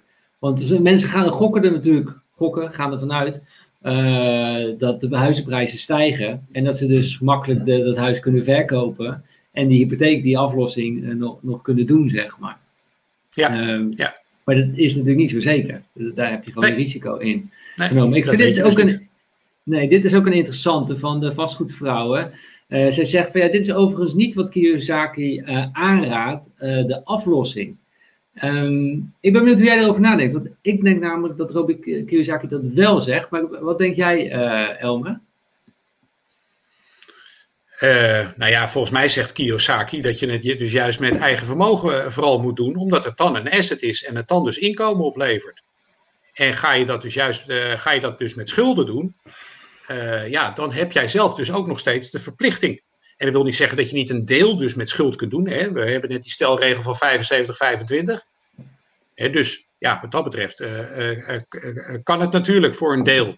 Hè, maar ik, ik zeg gewoon in zijn algemeenheid. En waarom zeggen wij die, twee, die, die eerste A hè, van haast, aflossing op schulden? Omdat we weten dat veel te veel mensen, en dit gaat natuurlijk over beleggingen, uh, en ik heb het over aflossing van je hypotheekschuld, in eerste instantie ook op je eigen woning.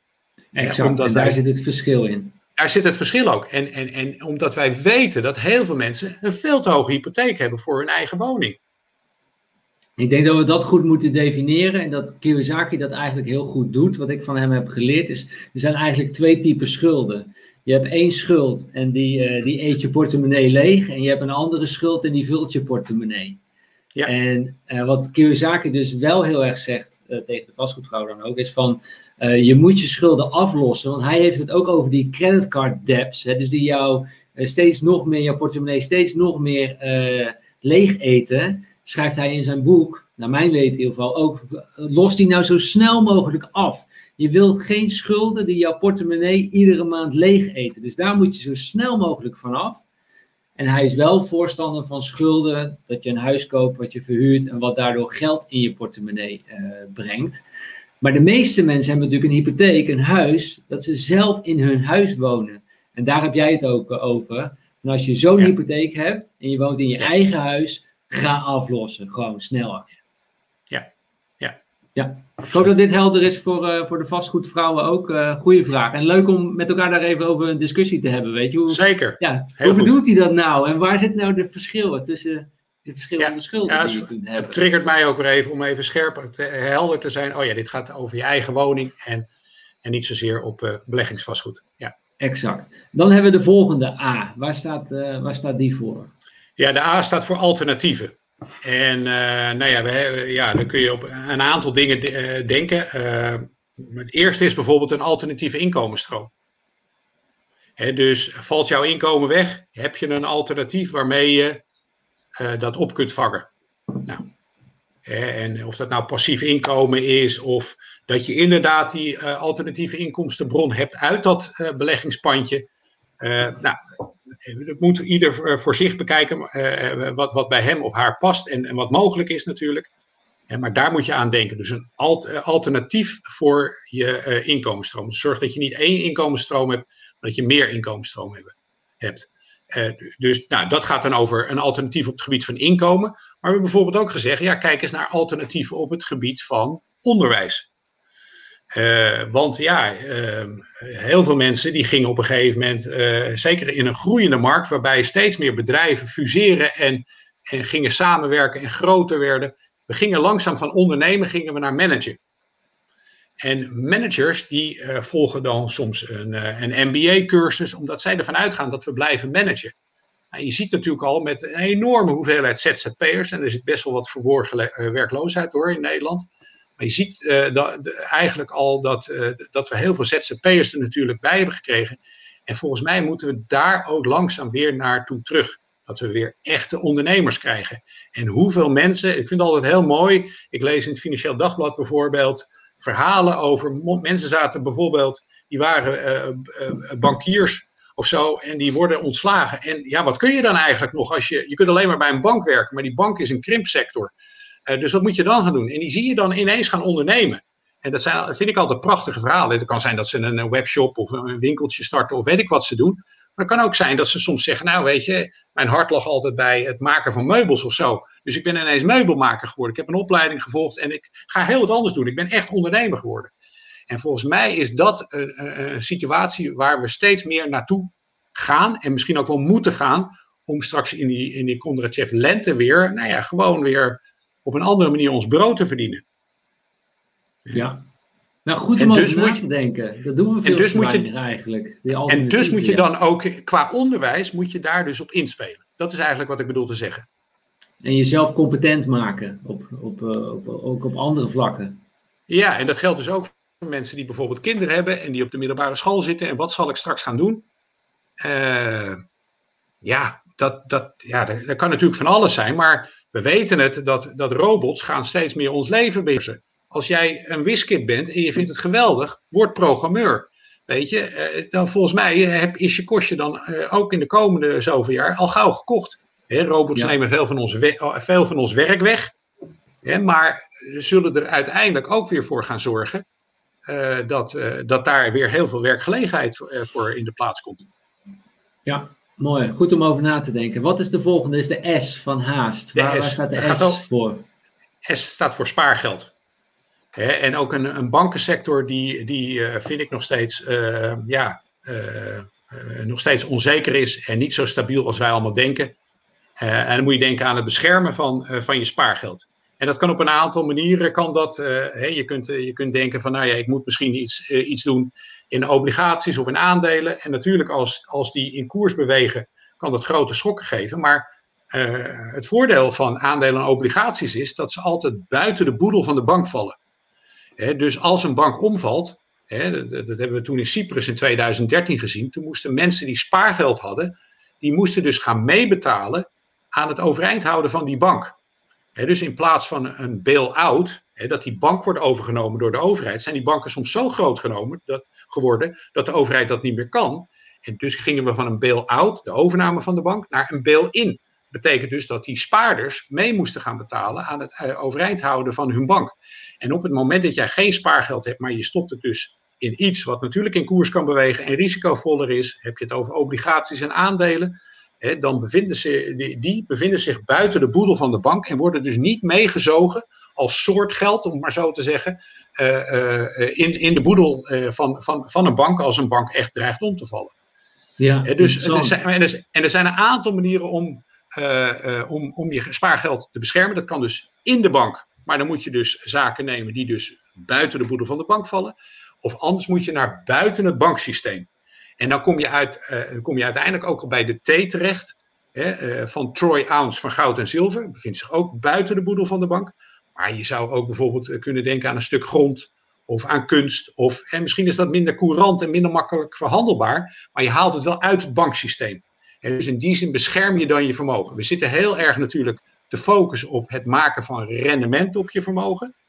maar zoals, zoals ik altijd zeg, je hebt return on the money en return of the money.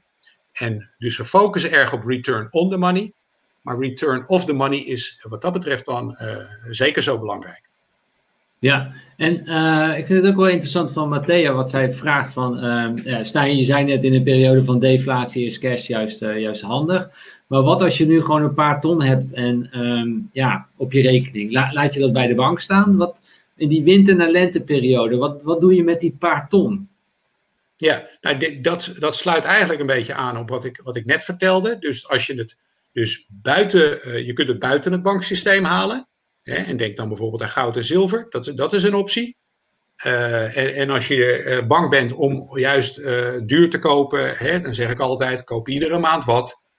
Je hebt wat op een spaarrekening staan. Koop voor iedere maand, iedere maand bijvoorbeeld voor 10.000 euro, ik roep maar wat. Als je het over een paar ton hebt, zeg ik dan voor 10.000 euro aan goud en zilver. En dan heb je ook steeds een andere prijs. Doe dat gewoon op de eerste, bijvoorbeeld op de eerste maandag van de maand. Hè, dus bijvoorbeeld afgelopen maandag op 1 maart, dan koop je en vervolgens begin april doe je dat uh, dan weer. En zeg gewoon, maakt mij niet uit wat de koers doet, ik koop gewoon de eerste van de maand.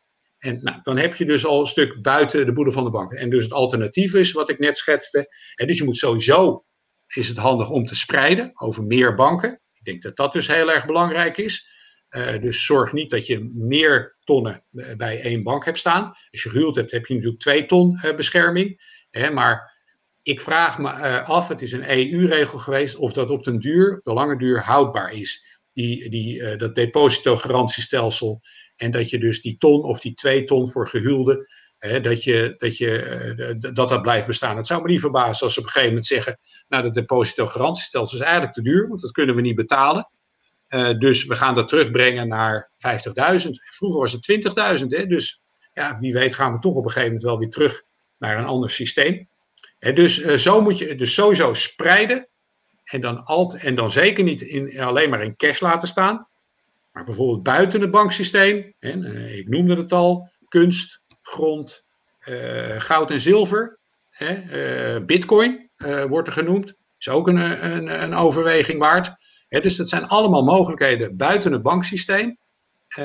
en doe je het binnen het banksysteem, dan zijn obligaties en aandelen zijn dan alternatieven. Maar ja, goed, dan hou je, hou je natuurlijk altijd de situatie hè, dat die koersen bewegen en dat mensen dat lastig vinden. Nou ja, goed, dus, dus dat is dan even iets waar je dan rekening mee moet houden. Maar, maar, wat ik dus begrijp is dat je eigenlijk gaat zoeken naar, naar assets die buiten het, het, bereik van de bank en de overheid liggen. Dus zoals bijvoorbeeld goud en zilver, bitcoin, kunst, een sportauto, een, een Rolex horloge die in waarde blijven behouden bijvoorbeeld. Maar vastgoed daarin ligt eigenlijk ook buiten de overheid, ook buiten de bank. Zeker. Voor de, voor de verhuur dan, hè? Zeker. Ja, maar ook hier geldt weer voor. Uh, doe niet zoals die mensen die naar mijn masterclass komen, dat je voor 90, 95 in vastgoed zit. Uh, je bent niet flexibel, bovendien ben je ontzettend kwetsbaar. Want als die vastgoedmarkt halveert, dan halveert jouw jou, jouw vermogen. Weet je, dus en je ziet soms dat het een het goed doet en dan doet het en dan het ander weer goed. Dus zorg een beetje dat je, ja, spreiden blijft key. Dat blijft echt heel belangrijk. Ja, en misschien is dat ook wel wat lastig, dat we, ja, we willen snel groeien, snel financieel vrij, uh, even snel die goede investering maken. Maar als je nu kijkt naar de periodes, er zijn vier seizoenen. En je moet eigenlijk kijken, hoe kan ik gewoon op, op lange termijn financieel vrij blijven? En dan is het toch, ja, iets meer spreiden. En het gaat door iets minder snel per potje. Maar straks als je alle potjes hebt opgebouwd van, van goud, van bitcoin, van vastgoed, van aandelen. En, en ze leveren een maandelijkse cashflow, een deel levert het op. Ben, ja, ben je wel in alle fases financieel vrij. Ja, ja. ja. Dus spreiden, flexibel zijn, dat zijn de belangrijkste zaken. En of je nou de letters haast helemaal uitdraagt uh, en zelf toepast uh, uh, zoals wij het aangeven. Maar al gaat het maar om een stukje bewustwording. Ik denk dat dat wel heel erg belangrijk is. Ja, en niet, niet, uh, niet te hebzuchtig worden in een markt waar iedereen heel uh, hebzuchtig is, zeg maar. Dan yes, ja. net, iets, net iets, meer, iets minder lenen uh, en iets meer zekerheid en flexibiliteit inbouwen. En in de periode dat je op het appartementencomplex twintig van die bordjes zag, te koop, te koop, te koop, niemand wil het. Dat is eigenlijk een periode, dan moet je voorbereid zijn. Dan moet je juist die cash opgebouwd hebben. Ja, en, en dat is En dat is super fijn om dan cash te hebben. Want heel veel mensen hebben, durven niet of, of hebben niet die positie om te kopen. Maar ja, jij hebt dat dan wel. Exact, daar moeten we voor zijn. Wat, wat Adinda vraagt uh, zich af, wat is een goede verhouding uh, qua, qua spreiding als je die verschillende potjes uh, ziet? Wat, wat hanteer jij zelf? Ja, dat is een beetje afhankelijk van, nou ja, weet je, ik, zit, ik, ik huur, dus ik zit in ieder geval op dit moment niet in vastgoed. Hè, Maar uh, ja, anders zou ik zeggen dat, dat, dat vastgoed eigenlijk niet meer dan 20, 25 procent van je portefeuille zou moeten zijn. Dan zal je zeggen, ja, het hangt natuurlijk een beetje van je vermogen af. Als je niet zoveel vermogen hebt, dan uh, ja, maar anders dan zou je bijvoorbeeld een vastgoedfonds uh, kunnen kopen. En dan zit je toch, heb je toch indirect heb je exposure naar de vastgoedmarkt toe. Hè, maar zo zou je, als je vijf potjes creëert, dan heb je vijf potjes van 20 of zo, of vier van 25, of, nou ja, of als je er zes hebt van 16 maar eh, zo zou je dat gewoon uh, ja, uh, misschien ja. opbouwen. En waarin en cash, cash is, ook, is ook een potje, hè? laten we dat niet Absoluut. vergeten. Absoluut. Ja. Je moet altijd toe kunnen slaan als, dat, als, als, als, dat, als iets zich voordoet. Ja. Interessant. Um, in een periode van uh, deflatie, de euro wordt meer waard. Uh, wat, wat, zou dat voor invloed hebben op uh, bijvoorbeeld Bitcoin? Ja, dat is moeilijk te zeggen. Uh, die volgen toch een beetje, ja, die volgen een beetje zijn eigen pad, zou ik zeggen. Weet je, mensen zeggen altijd van, uh, als ik het bijvoorbeeld relateer aan goud en zilver, zeiden mensen altijd, ja, maar die doen het alleen goed bij hoge inflatie. Nou, Weet je, ik liet dan bijvoorbeeld zien dat, uh, dat de inflatie in de rente daalde tussen 2000 en 2011. Echt van 4% naar 1%. Uh, en in diezelfde periode stegen goud en zilver enorm hard. He, dus daar zie je dat die correlaties, die zijn niet altijd één op één te maken. Dat is ook He, dus, dus uh, ja, bekijk dat gewoon per asset. Dat is moeilijk te zeggen. En, er zijn, en, en wat ik nu ook om me heen zie, hè, want ik ben, ik ben, mensen zeggen wel eens, ja, je, je bent niet zo'n fan van Bitcoin. Dan zeg ik, nou, dat is helemaal niet waar. Maar ik zie Bitcoin meer als een tradingvehikel. En ik zie ook nog wel eens iets van risico in Bitcoin zitten, omdat een overheid is nu bezig met, hè, uh, met, met zo'n met zo'n eigen digitale munt. En uh, een van de analisten die ik volg, en, en uh, zet me altijd aan het denken, die zegt altijd: de overheid duldt geen concurrentie. Dus als zij zelf met een, met een digitale munt gaan komen, waarom zouden ze die bitcoin dan nog accepteren? Als jij dat uh, crimineel verklaart of, of zegt van het is, het, je kan er niet langer meer mee doen wat je wil. Of je, kunt, je kunt het wel verkopen, maar dat cash kan je niet op, jou, op jouw nieuwe bankrekening hè, in, die, in, in, in digital currency terugkomen. Ja, dan, wat moet je dan met dat geld als je, als je er niet een huis van kunt kopen of een auto of als dat niet wordt toegestaan? Hè, ik weet helemaal niet of dat gaat gebeuren, maar dat soort geluiden nee, hoor, ik ook, hoor ik wel eens. Ja. Hè, dus en, dus het, is, het is voor mij vooral een tradingvehikel. En, uh, en, en, ik vind, ik zou iedereen aanraden, zoek eens een grafiek op uh, van, uh, van de bitcoin. Ik had gisteren nog een adviesgesprek met iemand en dan kwam het ook te sprake. Ik zei, kijk nou eens naar die grafiek van bitcoin op dit moment. En dan zie je echt, Stijn, dan zie je echt dit. Ja. En die, het is een parabool. Die, die koers loopt op dit moment uh, rechtop.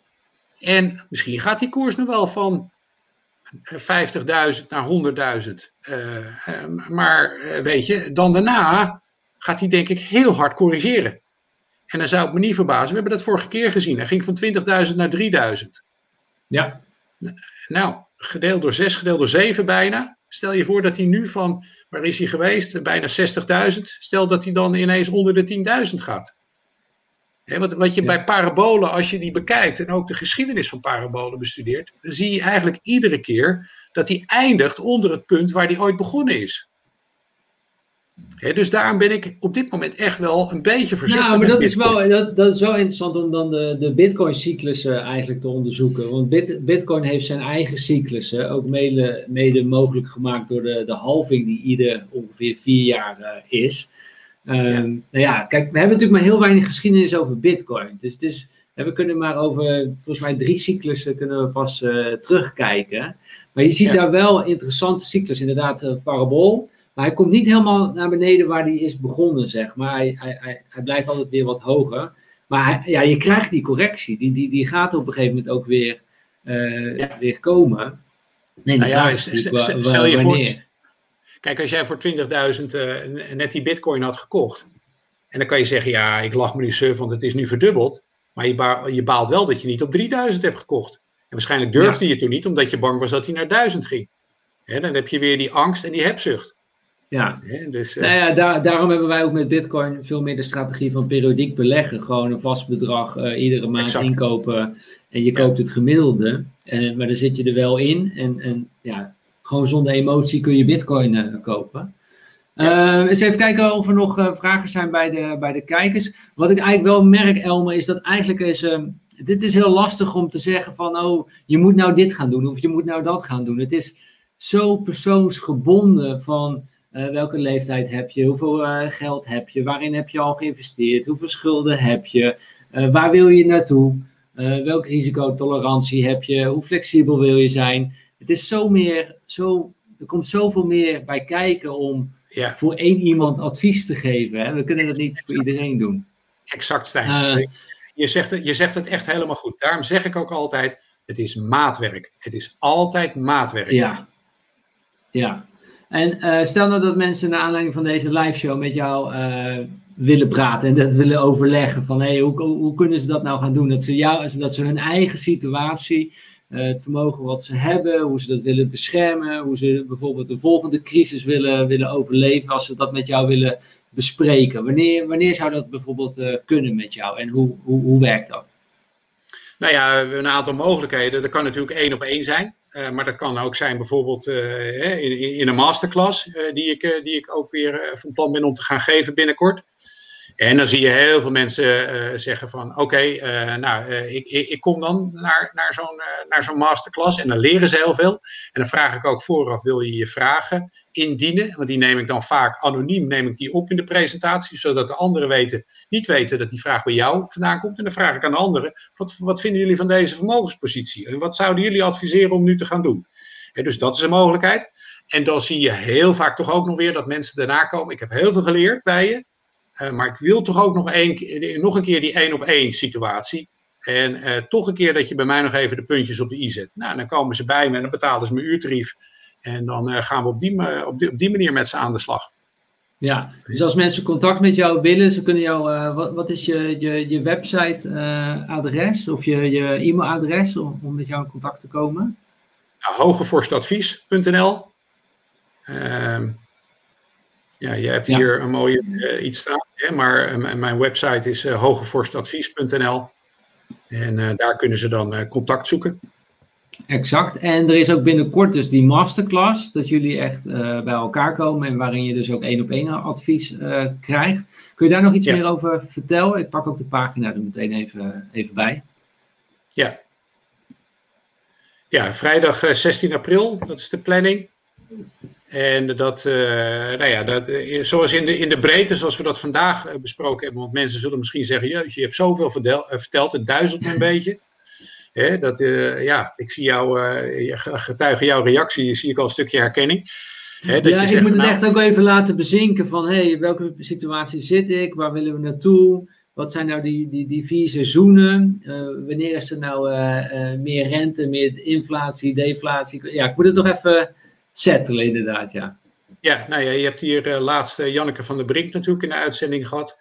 En uh, samen met haar organiseer ik dit. En ehm, hè, van de Financieel Vrije Vrouw. Hè, dus dat is dan gewoon een live masterclass op vrijdag 16 april. En wij houden rekening met coronamaatregelen, maar zelfs dan denken wij dat het gewoon door kan gaan.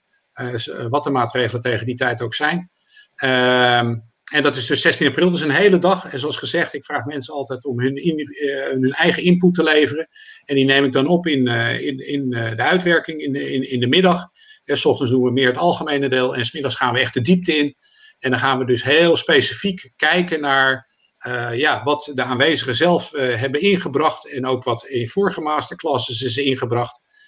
En je hebt als het goed is nog een slide waar wat meer informatie staat. Stijn, klopt dat?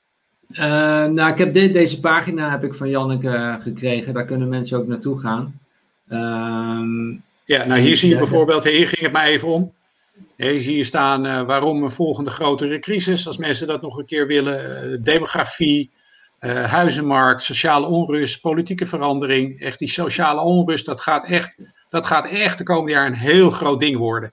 En uh, dat is niet leuk om te zeggen, maar ik verwacht ook echt weer dat we richting uh, uh, dat, dat, de kans bestaat dat ergens in de komende tien jaar internationaal weer iets van een oorlog gaat uitbreken.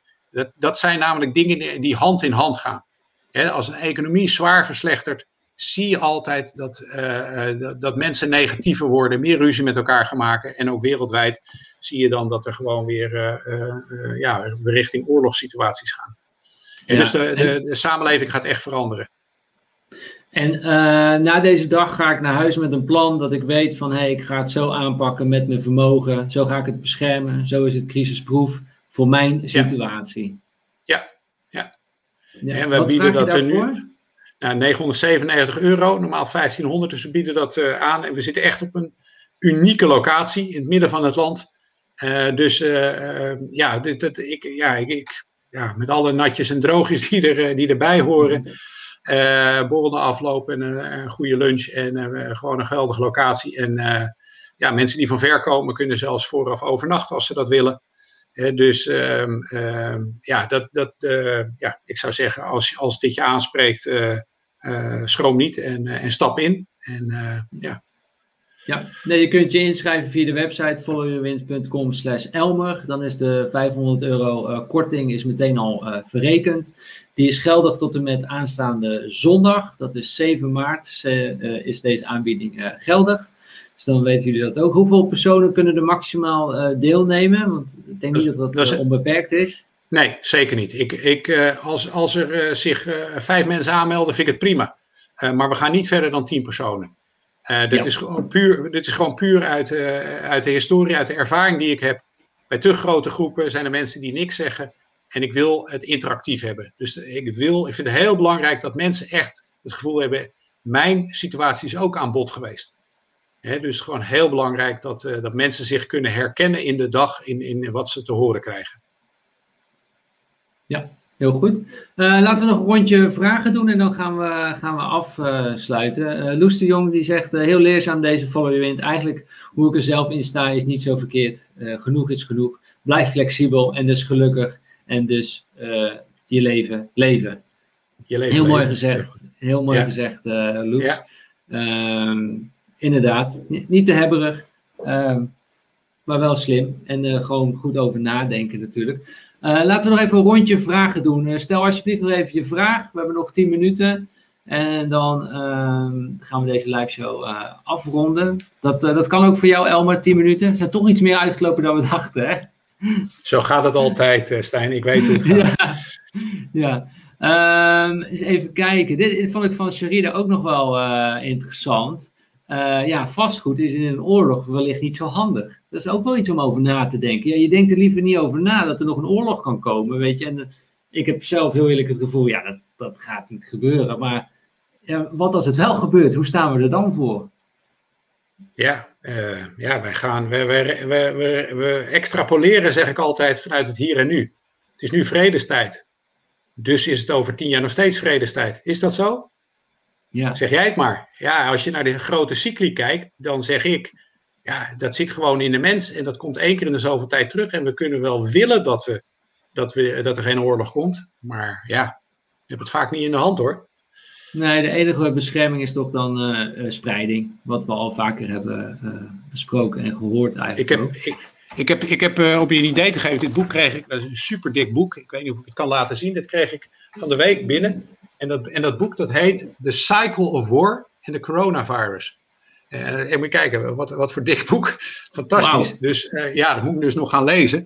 Uh, maar ja, dit is om je een idee te geven van, ja, als je daar cyclisch naar, naar kijkt, dat dat ja, helemaal niet zo denkbeeldig is dat er gewoon weer oorlog uitbreekt.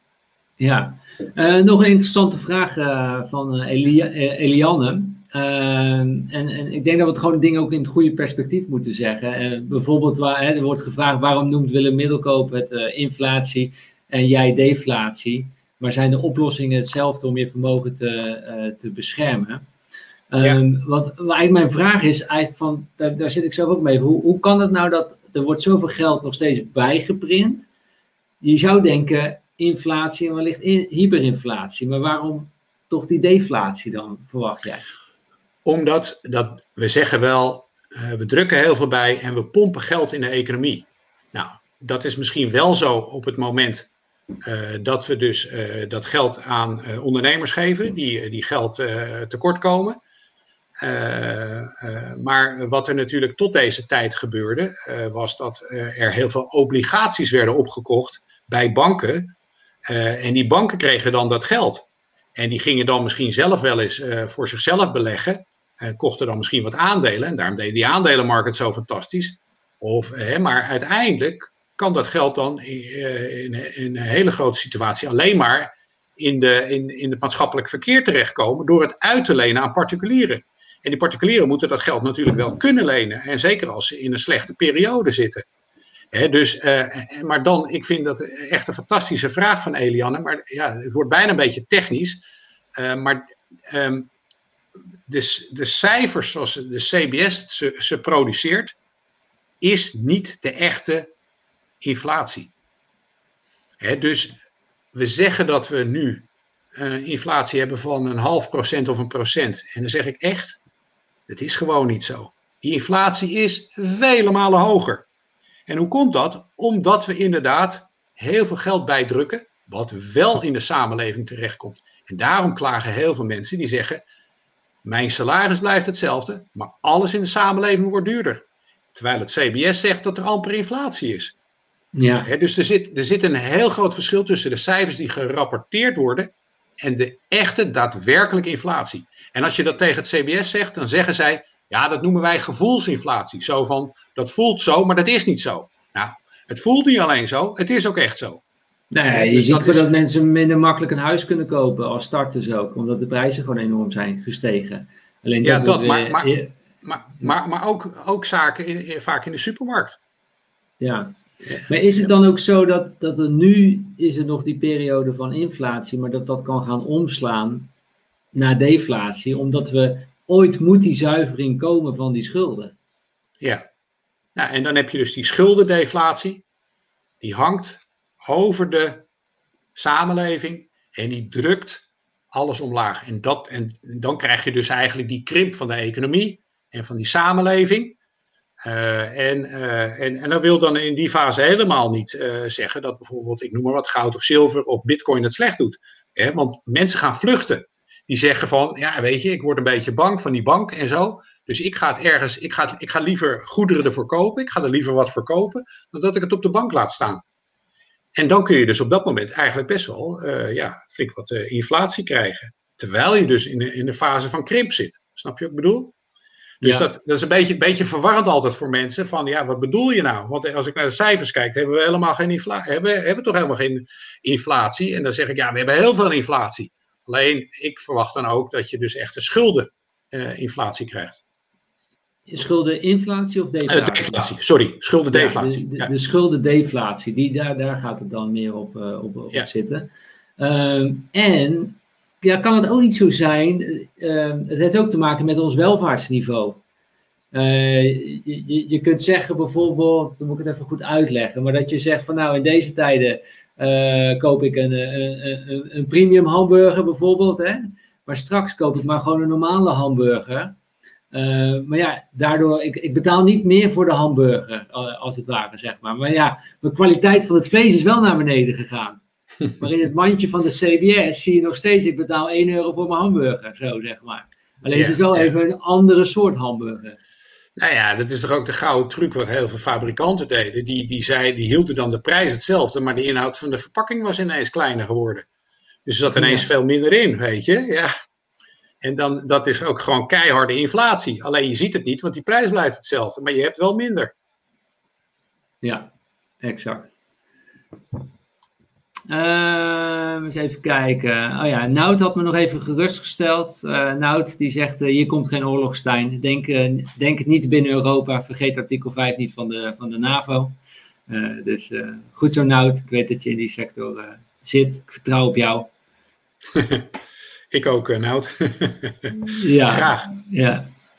Oorlog niet, maar wellicht een revolutie. Ja, dat zou, zou, ja als je het over sociale onrust hebt, dan past dat zeker in dat plaatje. Ja. Ja, heel veel Elme, ik wil je super bedanken voor, jou, voor jouw tijd en uh, dat je het hebt willen uitleggen, de vier seizoenen, de Kondrachev eh, seizoenen, waarmee we te, te, te maken hebben, of we het nou willen of niet. De seizoenen gaan komen. Zoals er altijd na een winter komt er ook weer een lente en komt er ook weer een zomer. En ook al gaan we soms niet zo slim met de aarde om, de aarde herstelt zich altijd en soms wel ja. ten koste, of vaak gewoon ten koste van ons. Dus het komt, ik ben er ook van overtuigd. Het komt een keer als een boemerang terug. En niemand kan exact voorspellen wanneer. Maar het gaat komen.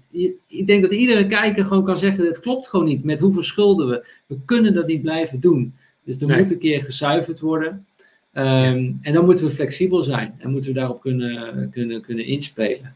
Dus ja. uh, ik ga me daar uh, ja, meer op, uh, op voorbereiden. Um, dus dankjewel voor je, voor, je, voor je tijd. Laten we nog even met z'n allen nog een Instagram momentje doen. Uh, pak allemaal even de telefoon erbij, maak een fotootje en deel die op Instagram. Uh, leuk als je dat zou willen doen. en zeg even erbij wat je ervan geleerd hebt. en dan kun je natuurlijk ons taggen op apenstaatje Nicole Stijn en apenstaatje Elmer Hogevorst. Dus ik maak even een, een foto. Komt-ie. Top. Uh, leuk als jullie het weer voor ons willen, willen delen, willen verspreiden op Instagram. Uh, deel deze video met zoveel mogelijk mensen die je, die je ziet. Uh, dankjewel daar, daarvoor. Um, en volgende week is er ook weer een nieuwe live show. Vrijdag 12 maart. Ik heb Janneke Willemsen heb ik uitgenodigd voor jullie. Van Blondjes beleggen beter. dat is een beetje met een, met een knipoog. maar het schijnt toch echt wetenschappelijk zo te zijn dat vrouwen beter beleggen dan mannen. Dus daar gaan we eens induiken in de beleggingswereld. Wat is nou een eenvoudige strategie om te starten met beleggen? wat doet Janneke? Janneke houdt al sinds 2013 houdt ze al online bij, waarin zij belegt en deelt ze allemaal publiekelijk. Daar gaan we het over hebben. En wellicht kennen jullie Janneke Willems ook wel van tv, want ze is beurscommentator en presentatrice bij RTL Z. En die is dus volgende week bij ons in de live show. Gaan we het hebben over blondjes beleggen beter. En wij mannen mogen daar ook van leren. Uh, iedereen super bedankt. Uh, Elmer, ik heb er trouwens nog wat uh, voor je. Mariam die zegt super voor deze live show. Nout zegt ook super bedankt Elmer. We worden door de gasten als u telkens wel, wijzer. Um, als vriend van de show, Elmer, wil ik jou graag nog iets, iets aanbieden. En dat is het, het volgende. En ik wil jou graag een uh, Follow Your Wind t-shirt aanbieden. En we hebben er twee. We hebben het sport t-shirt met Mission Possible. En we hebben ook het alledagelijkse t-shirt met, met Follow Your Wind erop. aan jou de keuze welke we naar jou mogen opsturen. Um, ik vind die linker, is die ook nog in een andere kleur, de linker? Op dit moment is die in deze, in zwart en navy is ja. die. Ja, doe de linker maar en dan in zwart. Ah, Oké, top. Gaan we die naar je opsturen. Hartstikke en ik zie toevallig dat we op dit moment hebben nog drie dagen 15% uh, uh, voordeel.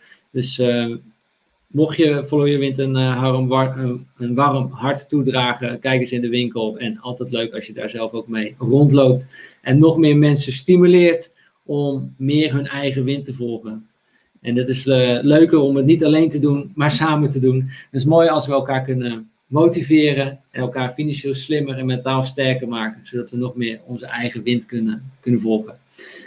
Uh, Karin zegt dankjewel, weer een beetje wijzer geworden. Leuk dat je er weer bij was, uh, Karin. Top. er wordt gezegd bedankt, makken, mannen, ik weet niet. heel interessant en leerzaam. Marion, thanks voor het interessante webinar. Liefst Marion. Leuk dat je weer bij was, Marion. Iedereen super bedankt. Ik zeg tot volgende week weer. En blijf nog even hangen, Elmer. En iedereen tot volgende week. Ciao, ciao. Ciao, ciao.